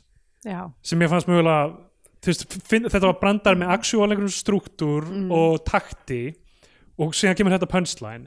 En allir við þetta borð sem er fólk sem er basically að djóka og segja brandar endalaust tekur þessu ekki sem brandara heldur bara rángfólur augunum og er bara eitthvað ah, veistu ekki, sagður þú sólinn hans Jónsmí Einmitt. í staðan fyrir að vera eitthvað haha, sólinn hans Jónsmí hvað þú veist hvað hva finnst þessu fólki fyndið? Hvernig finnst þeim þetta ekki fyndið, þetta er eitthvað svona besta, besti ritmin og tempóið. Já, ég allir sko hinn eru bara eitthvað svona að vera leiðilegir með sínum húmor. Eina, eina skipti sem að ég uh, flissaði við að horfa á þessa mynd var einmitt líka frá henni aðþunu þegar hún er eitthvað að, að bara ég held að hún er bara með eitthvað hún er með smá kameramagic að hún er allir eitthvað svona glint í augunum sem er eitthvað svona eitthvað. já, eða þú veist því mér finnst eiginlega allir aðrir sem er í sinni myndi eru bara ekki að gefa myndavilinni hún heitir Jónína Þórdís Karlsdóttir leikona. Og hún En var í hérna- hjartastinn.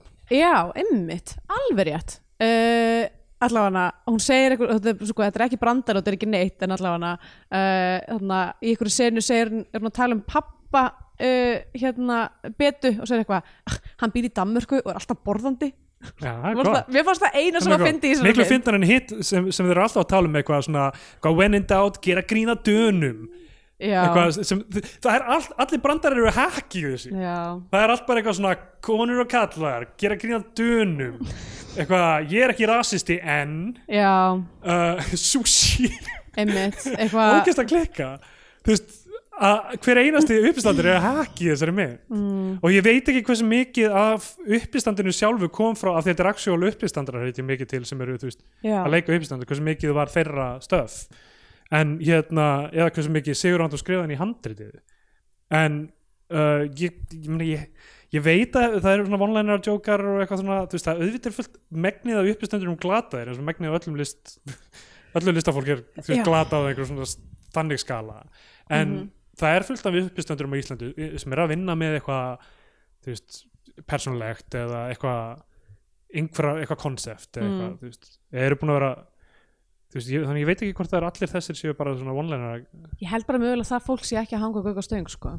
já, eða kannski segja nei við því að vera í myndinni. Já, ég veit ekki. Af því þetta er bara stuð að gera mynd, skilur vera, í- vera í myndinni mentor og eitthvað. Mm, og hérna, ok, já, svo gerist það að hann Þóraldur er búin að fara í gegnum eitthvað svona miðaldarkrísu eitthvað, hann er búin að lita á sér hárið. Mhm. hann heldur hann geti deytað þess að þennu hún er á túr og blæðir yfir sófan hann veit ekki hvort hann á að klæða hana úr fötunum sem hann er búin Hún- að já, hún yfir de- og eitthvað. deyr áfengistöð á sofanum og hann eitthvað svona dömpar henni fyrir utan hjá betu. Já, uh, betur sem svona uh, Já, valdinleikur. og já, hann er eitthvað að, þú veist, að mentorinni en trúir aldrei á hana. Hann, engum tímpúndi, hann er bara eitthvað, að þú ert stelpa þú færð pott, þú vinnur, þú, þú veist þetta er, svo, þetta er svo auðvelt fyrir þig. Þú farið lendur í öðru eða þriðasæti það er eitthvað að- stelpað hommi þessi, þessi mantra hjá öllum þessum gæjum ég trú ekki að fólk í alvöruna þú veist.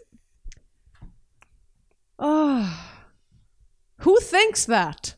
Þessi, þessi mér, þú veist, ég veit ekki hversu mikið þeir á ef ég var að gera sí, sí, bíómynd um eitthvað svona improv-senuna í eitthvað Mm. þá myndi ég það, þú veist, það er erfitt sko því að maður myndi ekki vilja uh, vera of ást, maður, þú veist, maður vil gera mynd um eitthvað sem maður er andum sko. og ég, hérna, ég held ég myndi vilja þú veist, undirstrykja eitthvað svona kærleik eða eitthvað þannig en þú veist, hafa eitthvað þú veist, það ljóta í henni er eitthvað annað skilur, þú veist, það er veist, að fólki sé almennt kannski gott og vilja öðru fólki vel og sé ekki haldið endalusum fordómum eða eitthvað þannig. Ég held ég myndi vilja hafa það þannig. Já, en þetta er, þú veist, basically allir eru þú veist, hérna, ka- gaurarnir hérna hata konur Já. og kon, hvernig uppistandara eru bara eitthvað eitthvað gett erfitt með það. Já, og þær eru það sem Sonja er að gera á sviðinu síðan já. sem komum á eftir er svo skrítið, við komum að þessu. Ok, hann fer að, Þóraldur er búin að fara ekki með þennan prósess, fer á date með Álfuru Ördólsdóttir um, hérna og, og, og þau sofa saman en hún vill eitthvað þú veist, hún vill bara að þetta sé eitthvað one time thing eða eitthvað, ein, er ekki svona eina í þessu að gera það þannig að hann haldi hans í pappi Sonju í smástund Jú, að ég menn ég held að hún þjóni sem sko, ég held að ástæðan fyrir hann fer á date með henni er að þú veist, allir vinur hans eru búin að bara vera eitthvað, nennir please að deyta kannski bara konu á þínum aldri, nennir Já, já. ekki að vera ógæslegt krýp um, þannig að hann er eitthvað, ég get alveg deyta konu á mínum aldri og eitthvað, fer í símarskona Já, og, já. hún og náttúrulega þjóna þeim tilgang, tilgangi að gera þetta revíl að mamma hennar betu er einhver gæla sem hann svaf hjá. Já, sem er líka mjög bara eitthvað svona glatað eitthvað hack dæmi að mínum 17 mati, árum, já. Eitthvað eitthvað, ó, þarf það að vera þannig fyrsti hluti myndarinn fyrir að pæla í hvort hann megi ríðinni, annar hluti myndarinn fyrir að pæla í hvort hann sé papp hennar. Já, aldrei á nokkuð tímapunkti lítur hún á hann sem eitthvað svona mannesku sem Nei, hann ætlar að enda líka, er hann ekki, þú veist, hann er ekki, tekur, tekur hann ekki alveglega og þú veist, hann er alltaf bara, já, heyrðu, þú ert að halda svona á mikrofón og svo er hann eitthvað, mm, ég fíla ekki þess að brandara, ég skilða það ekki, eitthvað. Og síðan, síðan kemur oft fram að því síðan setna þegar við komum staði að uh, gæinn sem hann þólar ekki, eða sem hún finnst lélegur, Kalman sem er, leikir á hinn- Júlí heiðar. sem er leikinn í Júlí Heiðar, sem er hinn uppstandarinn hann uh, hún finnst grínast lélegt, svo kemur í ljós að sagt, hann hún, hafði stólið öllu. Já, grínunni frá henni. Já, og þú veist, og þá hann heldur alltaf áfram aftur og aftur að segja bara eitthvað, þetta er lélegt. Já. Við hana og, Sko, það er eitt brandari sem er svona uh, endurtekin í gegnum þetta sem er, í fyrsta lagi er eitthvað svona að gera grín á dvergum sem Já. ég skil ekki, þú veist aftur eitthvað hack dæmi. Um, ha, brandarinn er sem sagt ef dvergur á dvergkaninu er hún þá ekki bara kanína. Mm er brandarinn, fyrstulega hræðilegur rithmi í henni. Öðru lagi, þú veist, þau- hérna, hann er eitthvað svona, býtu dvergkanina ég veit ekki náttúrulega hvað það er. En þú veist, ef þú vilt að hann er að segja hana brandara sko í fyrsta lagi, liggur ekki fyrir að dverghamstrar séu frægari? Hann dverg kaninur já, Já. hann meinar. Er það ekki svona daldið já, er ég, er ég sko ég, í mínum huga eru bæði dvergkænur og dvergkamstrar jafn jafnfræg frægir, já. En þú veist, hvað af hverju einu sinni að reyna að segja hana? Þú veist, hvað er hvað er insightið, skilur við veist, þetta er reikniformúla. Þetta er algebra þessi brandari sem er eitthvað svona eitthvað x eitthvað Ó, það sem ég finnst sko vest við allt þetta dæmi er, er þegar að leikara þeir sem er að leiki sér mynd þurfa að hlusta á þessa brandara og þykjast hlæja. Já, oh, þetta er bara, ok. Sem sagt, það sem gerir síðan sko, er að hérna, ok, ég skrifaði hjá mér eitthvað að ég, ég nenni ekki að fara í skrýtnubrandana sem ég skrifaði hjá mér og man ekki hverju þeir eru.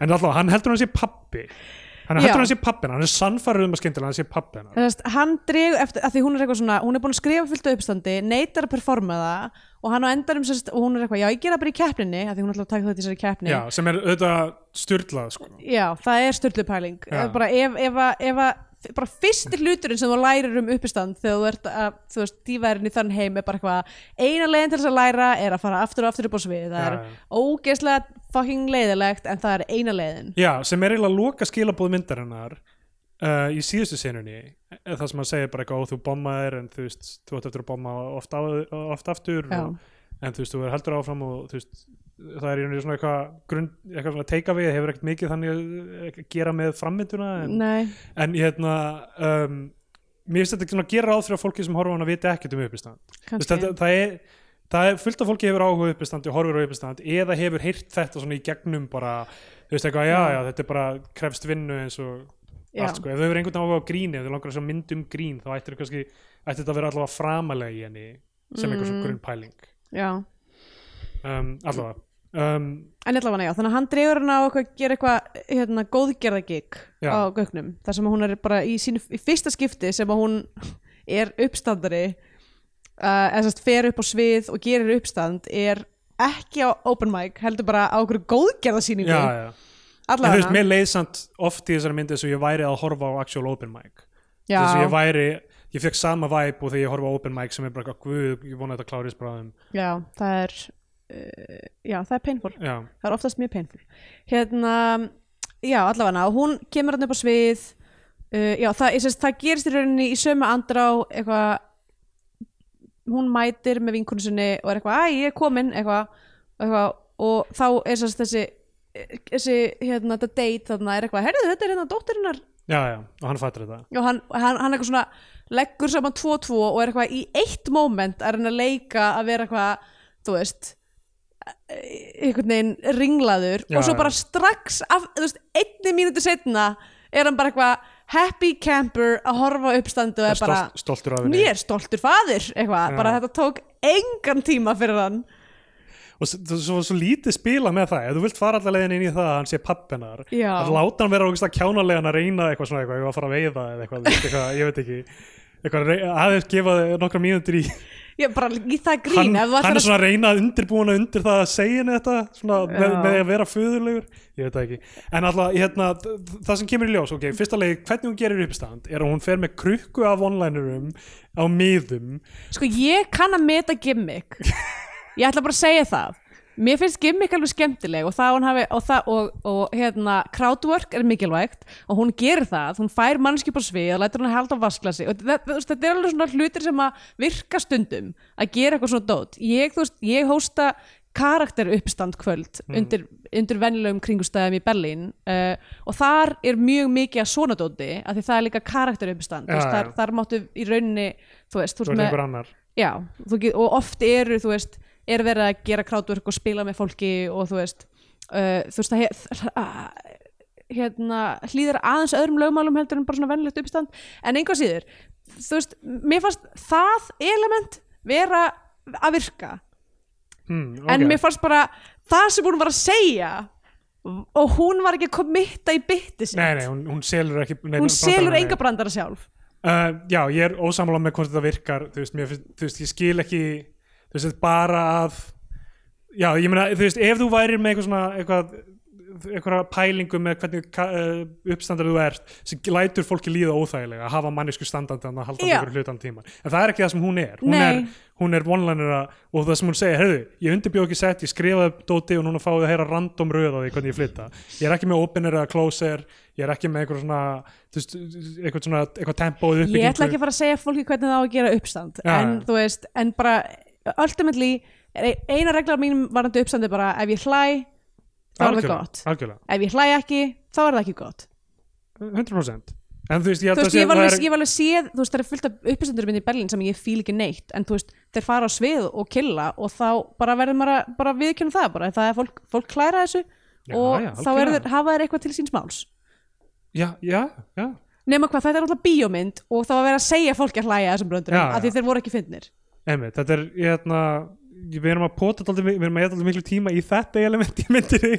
Ok, sorry, ég kemst ekki Nei, hjá ég, því. ég, ég, ég líka, ég er, ég er ekki að segja að þú sért að gera eitthvað að þér ég er líka að því, ég, er bara að segja þetta við hlustendur bara eitthvað, akkur er það ekki að tala um plottið eða þú veist, eitthvað, akkur er það ekki að klára hann það hvað sko, að og, þa lengi? og þarna gerir, gerist klifti 14 mánuðum áður. Já, þegar hún er 16 ára hún er, já, svo hún klárar þetta set sitt sem er basically það að reyna að fá fólk til þess að gera spit take já, með einhverjum one-linerum og hún fær eitthvað til þess að gera spit take og þú veist, og ég, ég veit ekki hvað hvað, hvað constitutes as að killa á Íslandi en allavega það var það sem það átti að hafa gerst. Hún kemur aftur til baksviðis og þar er þessi já, og segir eitthvað, sælbetta, gott sett og þá fáum við 12 mánuðum áður. 14 mánuðum áður. 14 það er ekki bara hún er áringri, heldur ennþá meira. Já, þannig að, já, Hún er- vá, hún er- ég var ekki búin að hugst í hún það. er, hún, nei, nei, hún er 16 ára þegar Nei, hún er þetta gerist.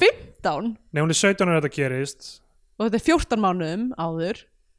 Já, við vitum Eða, ekki. okay, sek- 15-16 ára, já, allavega. Hún gæti við að hafa verið 15 Já. sem er, þú veist, auka gross hlutur í þessu. Mhm. sem er það að hún kemur til dýrana eitthvað beint úr sturtu. einmitt. Og hann er eitthvað, eitthvað nágrunninnar eitthvað að spyrja eitthvað, það er eitthvað að opnunum. Já, það jú, hann er ekki að spurja hvort að opnin í stofunni hjá henni sé í lagi af því að opnin í stofunni hjá honum er ekki í lagi. Og þau, þú veist I- I- guess.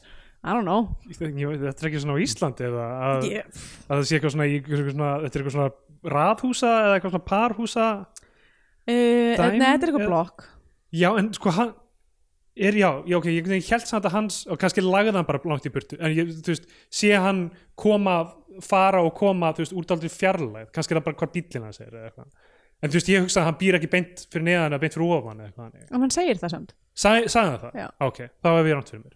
En hérna, ok, hann er eitthvað, ok, opnið mér er bílaður. Mm og hún er eitthvað, ég var bara að koma úr styrtu ég kom til dýra e, með handklæðutunum mig og hann bara eitthvað sem ég býður sér inn eða þú veist, hún er eitthvað svona, viltu koma inn? En þú veist, hann er að Já. standa og þegja eitthvað svona. Einmitt, hann er eitthvað eins og hann vilji gett mikið tjekka á þessum opni já, já.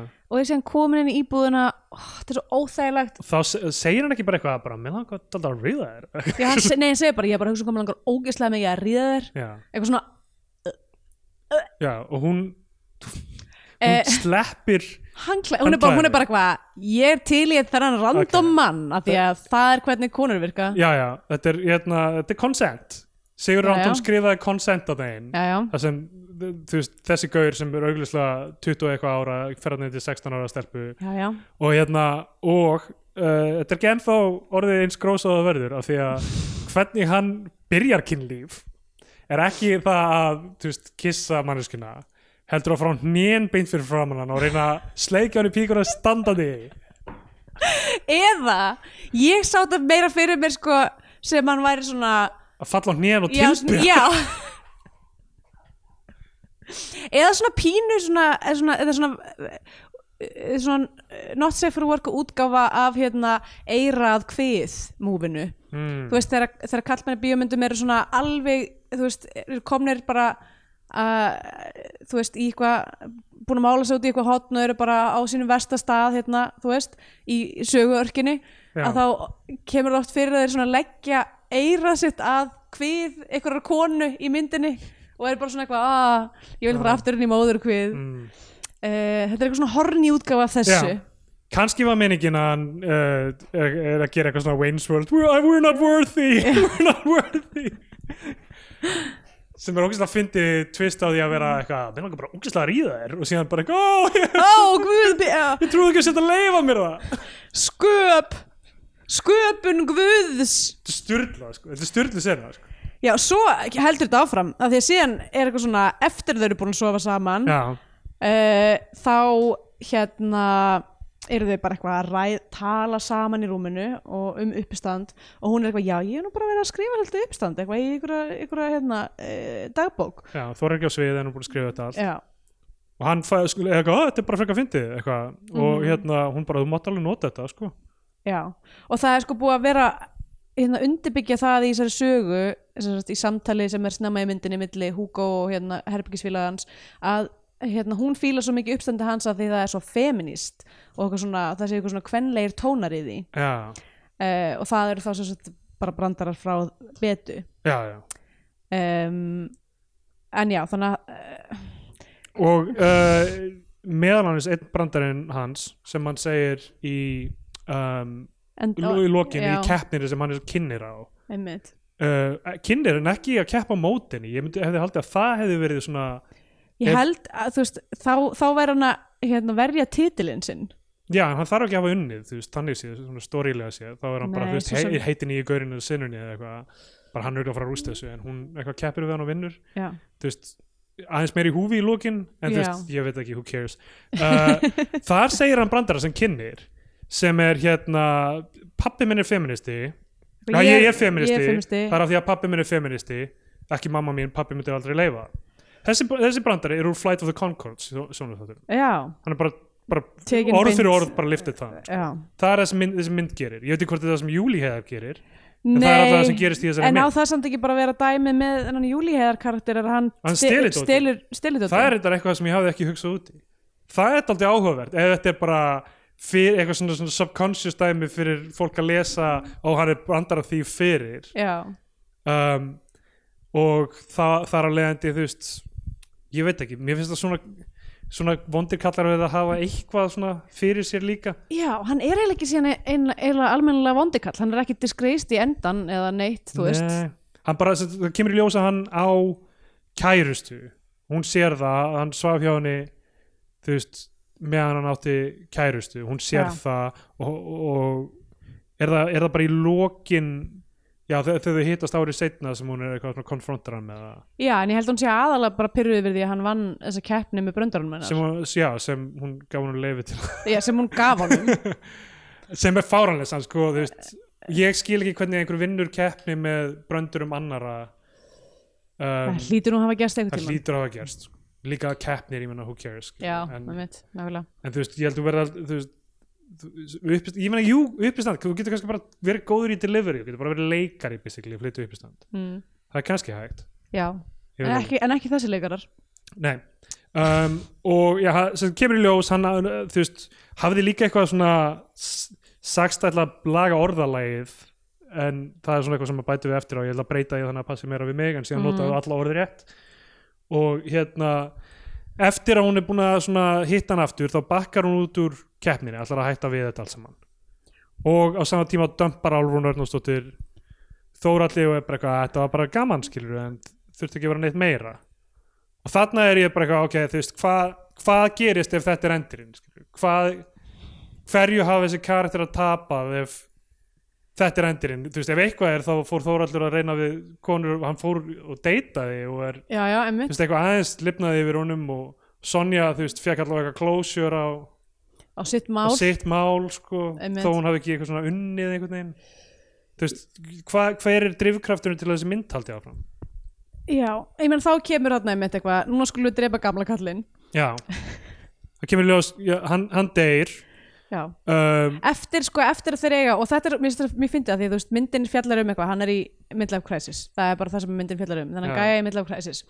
Og hérna, og síðan sko bara, hérna, alveg í, þú veist, bara mjög seint í myndinni gerist þetta samtal milli hans og gamla mentorsins hans, þar sem hann er eitthvað svona er eitthvað að að útskýra fyrir hann bara eitthvað, þú veist hérna, fólk á sér áhugamál. Það fær ánægi út úr hlutum þú veist, það þarf ekki, þú veist, eitthvað svona uh, er eitthvað svona segja, segja hann bara eitthvað hættu að lifa í fórtíðinu og byrja að lifa lífinu þínu?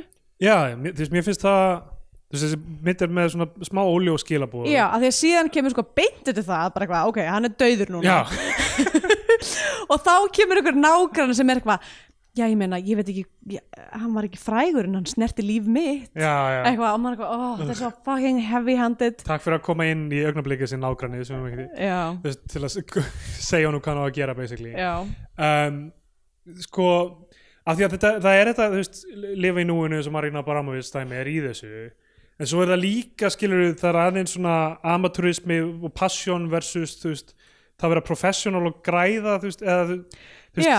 af hverju þú veist þú veist, það kemur aðeins inn í þetta sko, þú veist, að meika það og einhverja svona þannig pælingar í staðan fyrir bara eitthvað, hei, ég er passionate með þetta og mér finnst gaman í þessari senu og ég eitthvað, einmitt þú veist það Já, er svona lauslega teft á því hann er svo mikið að lifa á fordri frægð og mjög upptekinn um, við, af því að vera frægur já, já.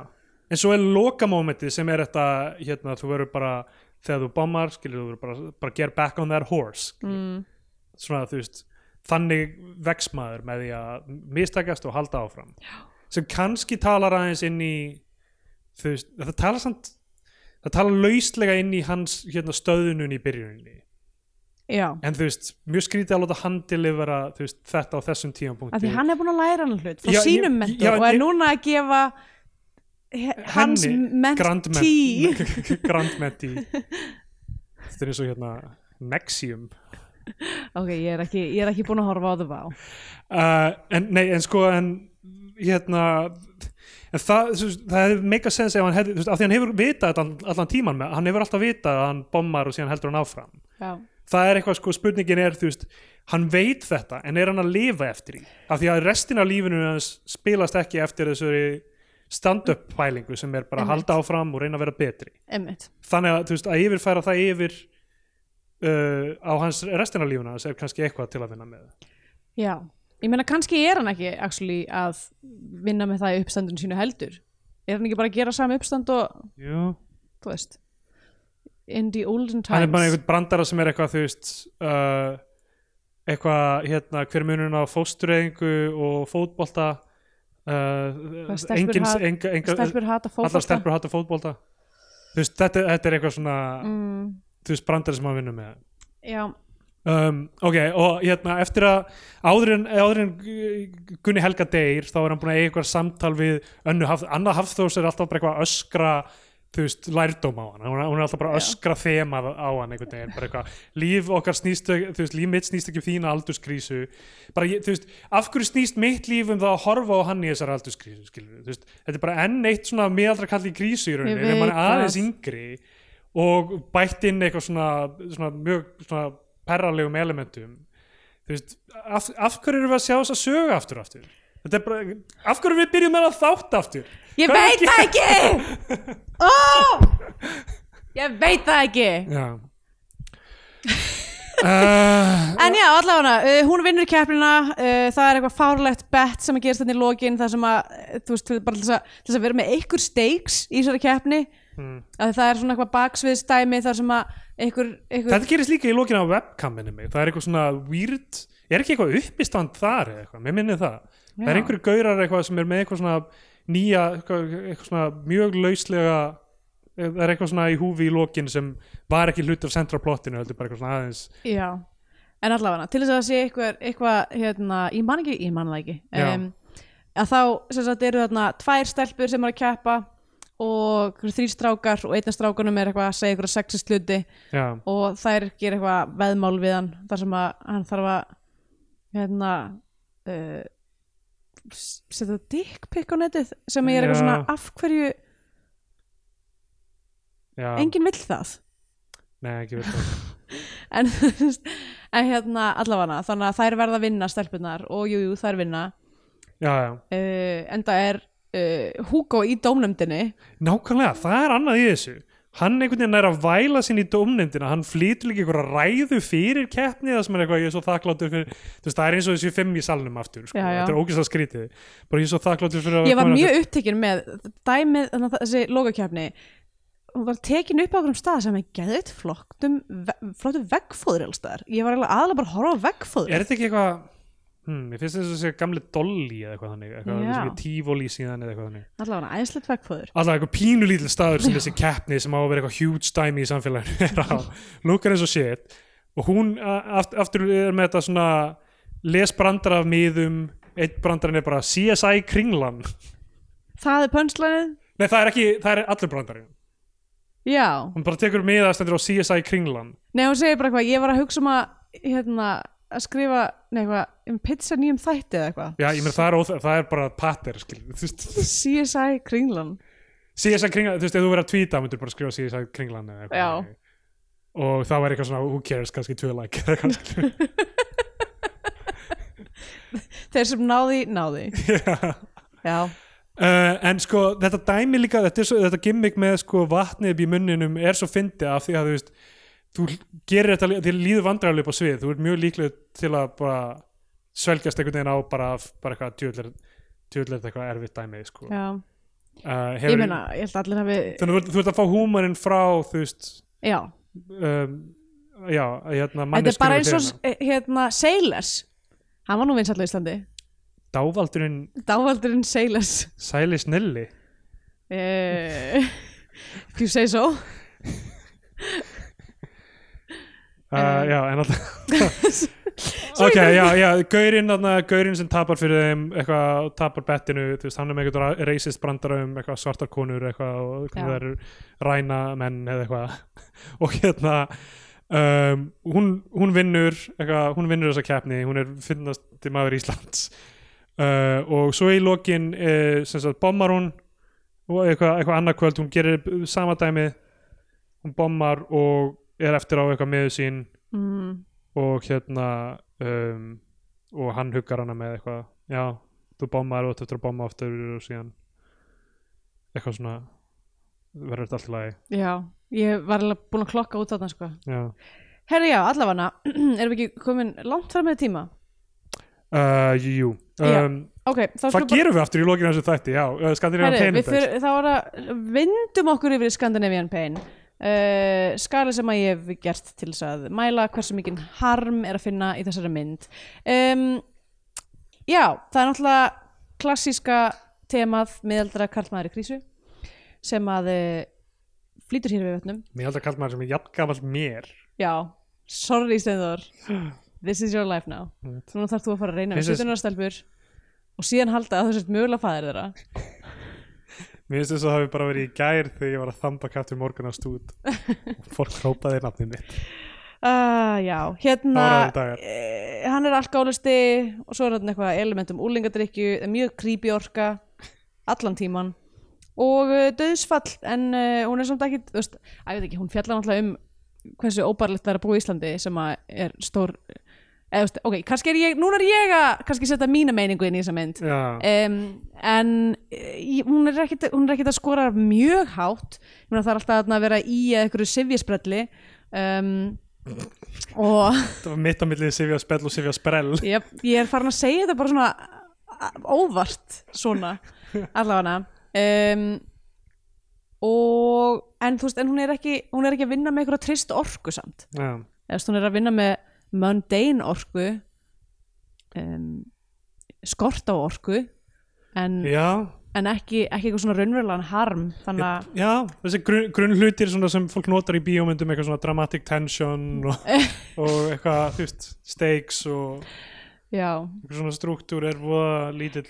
Ég menn það er samt þú veist, hún vill vinna þessa keppni og það eru the stakes fyrir hana. Hún vill sanna fyrir þessum gæja hún sé þú veist, að hún sé með þetta. Veist, þetta er alveg stakes, þau eru bara einhvern veginn þau koma svo einhvern veginn, þau ná ekki til manns. Já, hún sýnir aldrei svona mikla tilfinningar yfir þessu, veist, það er ekki henni, henni að kenna sem það leikari er allir, það það er er bara allir ekki engar senur það sem maður fær að sjá hversu miður sinni er yfir, er yfir. En það það er er líka aldrei bara- hún bara eitthvað fucking kallandi taka allt það meira eða eitthvað. Það er líka bara allir allir karakterinir í þessari mynd eru ókslega sörft það er enginn að taka stóra tilfinningar Er rosa mikið af svona interchangeable einhverjum svona vínakarakterum og öðrum uppistöndurum sem eru bara allir með sömu orku og allir að þú veist segja eitthvað og hérna, Þóraldur, hvað er það að reyna að ríða henni? eða þú veist, hérna, Hugo, fyrir ekki Hugo, ert þú að þú veist, já. hvað, hvað er í gangi Hugo, ertu, hvernig gekk á deitinu eða eitthvað, þú veist, mm. Já, hérna, þannig að ég ætla að gefa henni bara mm, ætla að gefa henni uh, þrjá af uh, sjö íspinnum í vodka með appelsíni Hvað kallaðum þetta þessur? Það ekki Þetta drikkurinn uh, ógeðstrykkur Já, ég gef henni bara, þú veist eitthvað ég veit ekki þú, hundatippi, var það ekki leiðis? Hundatipi, já. Já. Og svo er, svona, er hún alltaf svona þess að sökka á þessu svona, svona En sko, ok, eitt samt ef ég verða aðeins að nýttpika þarna Þetta er tvistir, þannig að myndi þetta ekki tækla sig að vera andatippi Af því að þau eru svona korkskrúð Já, Það er hræðilegt dæmi sko. allavega. Akkur er náttúrulega svona ógeðsleg? Já, ætlaði þú að uh, Bæta ykkur- bæta ykkur við? Bara eitthvað, þú veist, tve, tve, tveir af sjö sushi-bitum. Að Það komið einn tímabútið það sem við gefum myndinni að hvort sest sem flagskip íslenska kveikmynda frá íslenska fánan eða við mælum frekka með hlustundur og horfum á bandarinska Hollywood og varum bandarinska pjánan Já mm, Já, mátt byrja. Ég skal bara byrja, ég menna ég held að það sé mjög nokkuð ljóst hvað að þessi mynd er ekki fara flagskipið um, og Tjóðvill væri gaman ef við værum að koma allum óvart með því. Meðast, ég meina þú ert ennþá út eftir að segja þín, þína niðurstöðu og getur komið okkur öllum á ávart um, uh, Já uh, að þú veist, þótt, þótt að já, handritið sé kannski ekki alveg nógu spennandi fyrir mig að þá ef það hefði verið gott þá hefði það samt ekki bergað þessu að því hún lítur út eins og hún sé tekin upp á uh, dósasíma. Mm -hmm. um, Það er smá upgrade frá hérna majónisdósin sem við talaðum um aðan þú getur gert dósasíma með majónistós Já, það er rétt. Hún er tekin upp á majónisdós sem þú ert búin að gera að dósa síma já uh, já, þannig að því miður Hver er að köpa majónis í áldósum? ok, nei maður getur gert dósasíma þótt að sé plastdós. Já, það er hægt. Ég kaupi, kaupi majónis annarkvort í svona spraututúbum eða í svona helmanns gler já, Helmans glerið er náttúrulega toppurinn sko. uh, já, ég vil helst bara fá mitt majónis í gleri. Já, þú ert ekki svona Gunnars að Effinsson stæl svona já, plast plastdóttur. uh, dollu, það Já. er nákvæmlega sem ég er að hugsa. Ok, um, áhugavert ef einhver myndi ná að taka upp mynd á, á algjörlega, svoleiðis það er eitthvað Sean Baker hérna, tangerine dæmi að taka upp. Nákvæmlega, ok, sorry, en hann gætt fucking tekið þá mynd upp á iPhone 5 Já, og hún lítur vel út já, af því hann fucking kefti sér steadicam og hann greitaði the shit out of it. Já, mitt sorry, ég bara fucking allavega, ég meina fucking þessi, þessi TikTok krakkar sem að voru að leika í þessari mynd það geta að gefa honum eitthvað fucking pointera sko. Holy shit, skilur, ef, ef Sonja Valdin væri líka, þú veist, það er hún eitthvað áhörgla photography. steadicam god um, anyway, nei, hún fer ekki flagskipi hjá mér, ég ætla að mæla með kvikmyndinni In a World uh, sem að er líka eftir auteur, skulum við vera að segja sem Lake Bell sem Lake Bell Já. skrifaði, leikstýrði Já. og uh, leik aðhlutverki í. og ég ég horfði á hana þegar hún kom út sem að var þú veist 2013 eða eitthvað og hérna og núna var ég að fatta bara eitthvað það er ógeðslega mikið af skemmtilegum eh, uppstöndurum og leikurum. Tikun og Taro er hérna og þú veist fucking, það er bara ógeðslega mikið af skemmtilegum uppstöndurum sem leikir sér mynd en hún fjallar ekki um uppstand hún fjallar bara um, hún fjallar um hérna talsetningu. Um, og að vera kona í, í kallægum heimi.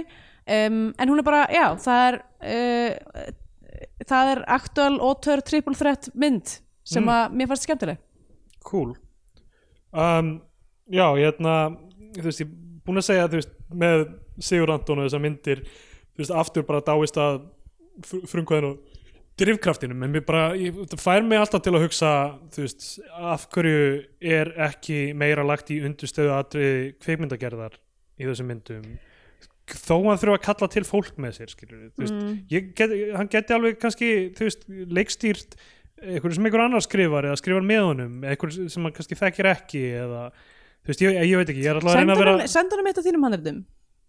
Já.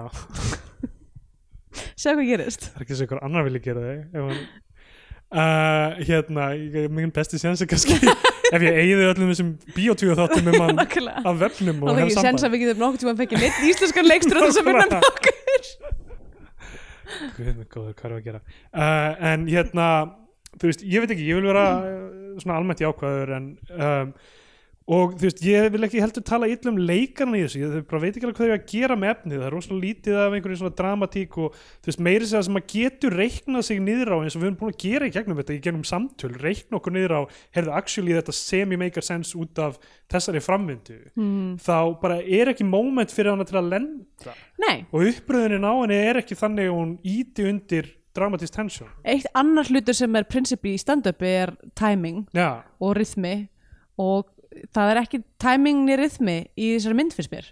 Nefnilega það er, þetta er Þetta er bara synda því að þú veist, ég held að það sé- það sé fullt á hæfileika fólki örglega í þessari stand-up senu og, og þessir TikTok-krakkar líka, skilur, þú veist, ég skil þá ekki, en þú veist, en, en, fólki, en fólki er að hlæja þannig hlýtur að vera eitthvað. Nákvæmlega, á, hérna, átt, áttan og allt þetta, þetta er, þú veist, og ég meina Júli Heiðar, ég veit ekkert um hann, þú veist, hann gerði þetta lag blöyt dansgólf, Var þetta kannski bara eitthvað svona þetta, þetta fara, fara á hnén það var tribute til þess, hann rann. hún, hún er alltaf nýkomlu styrtu, Já, hún er, hún, er, hún er blöyt hún er blöyt, Þetta var pottjætt lítið wink wink nuts nuts. double entendre hvernig hún er blöyt, skilur og svo Já. rennur hann í því bara, Hann rennur á hnén sér út af því að gólfið er blöyt einmitt, og hann er júliheiðar já.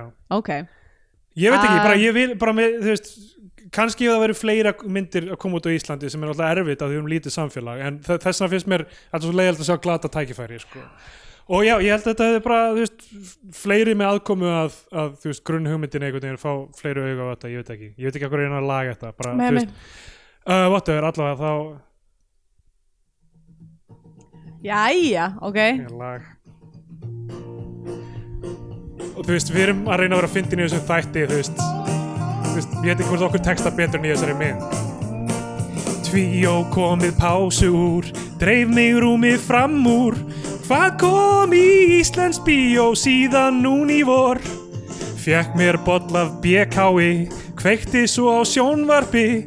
Dú dú dú fór að horfa á mentor Þar er sonur latt að djóka smá. Sonja Valdin horfir á. Hvernig tekst að gera mynd sem fjallar um húmor? Vandræði með opnin Júli heiðar riðstinn Dú, dú, dú, ekki meira mentor. Brandarar um sushi og dverga kanínur Núna horfin er ást minn gríni á. Dú, dú, dú, Siggi Anton baby Hvaðan færðu money? Dú, dú, dú, til að gera mentor Já, þetta er uh, lagið. Já, Já, Já, hérna bandaríski björn viltu mæla með ykkur öðru? Herru, hérna, ég horfði á Hail Caesar aftur í gær. Já, sem fólk finnst eitthvað að vera eitthvað svona lower tier Coen bræðra mynd en er mögulega á top 5 hjá mér. Já, hún náttúrulega fjallar um kvikmyndagerð í rauninni þú veist, og þú veist, af hverju fólk gerir kvikmyndir og hvað er verið að segja okkur með kvikmyndum í rauninni Mhm. og hvernig það tónar við raunveruleikan bak við kvikmyndagerð þú veist, á, ég meina, þeirra er náttúrulega típiska hátt og bara er það er svo mikil ást á kvikmyndagerð í henni skilur, mm Mhm. -hmm. hún, þeir eru basically að gera hana hluta til þess að fá að gera senur úr myndum sem þau munu aldrei gera af því að þetta gerist alltaf í kvikmyndastúdíói sko. þannig að það, veist, það er eitthvað svona virkilegt passion fyrir kvik, veist, þetta er það sem ég langar oftur að sjá í kvikmyndum. Veist, það, ég er ekki að segja að allir getur verið Coen bræður eða eitthvað, eitthvað þannig en En það getur allir reynd ég vil bara sjá bara hvað er það sem langar Nema einbyrni hvað er það sem langar ég, er sena í mentor það sem maður hugsaður, þú veist djövel brannan fyrir uh, þennan ramma hérna, eða þessa senu, veist, það, það er það sem ég hugsa svo oft með íslenska myndir hvað dreif manneskjuna til að setja þetta en ekki eitthvað annað sem, bra- sem þú veist Já, já, það er einhvern veginn uh, það sem ég var að hugsa um.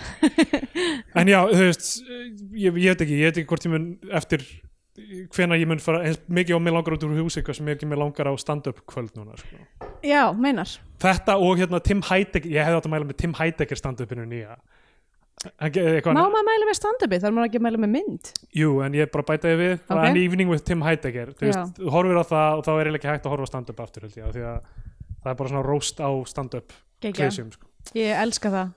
Uh, ok. Herðu, já. We're comedians. We can't, we can't help it, we're comedians. What are you gonna do, you're gonna censor us, we're comedians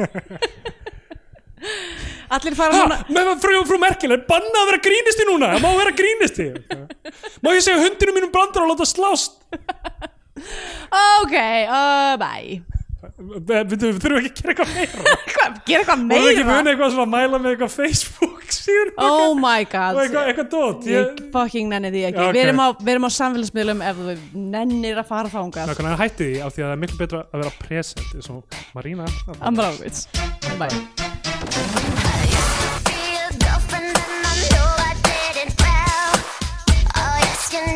Girl.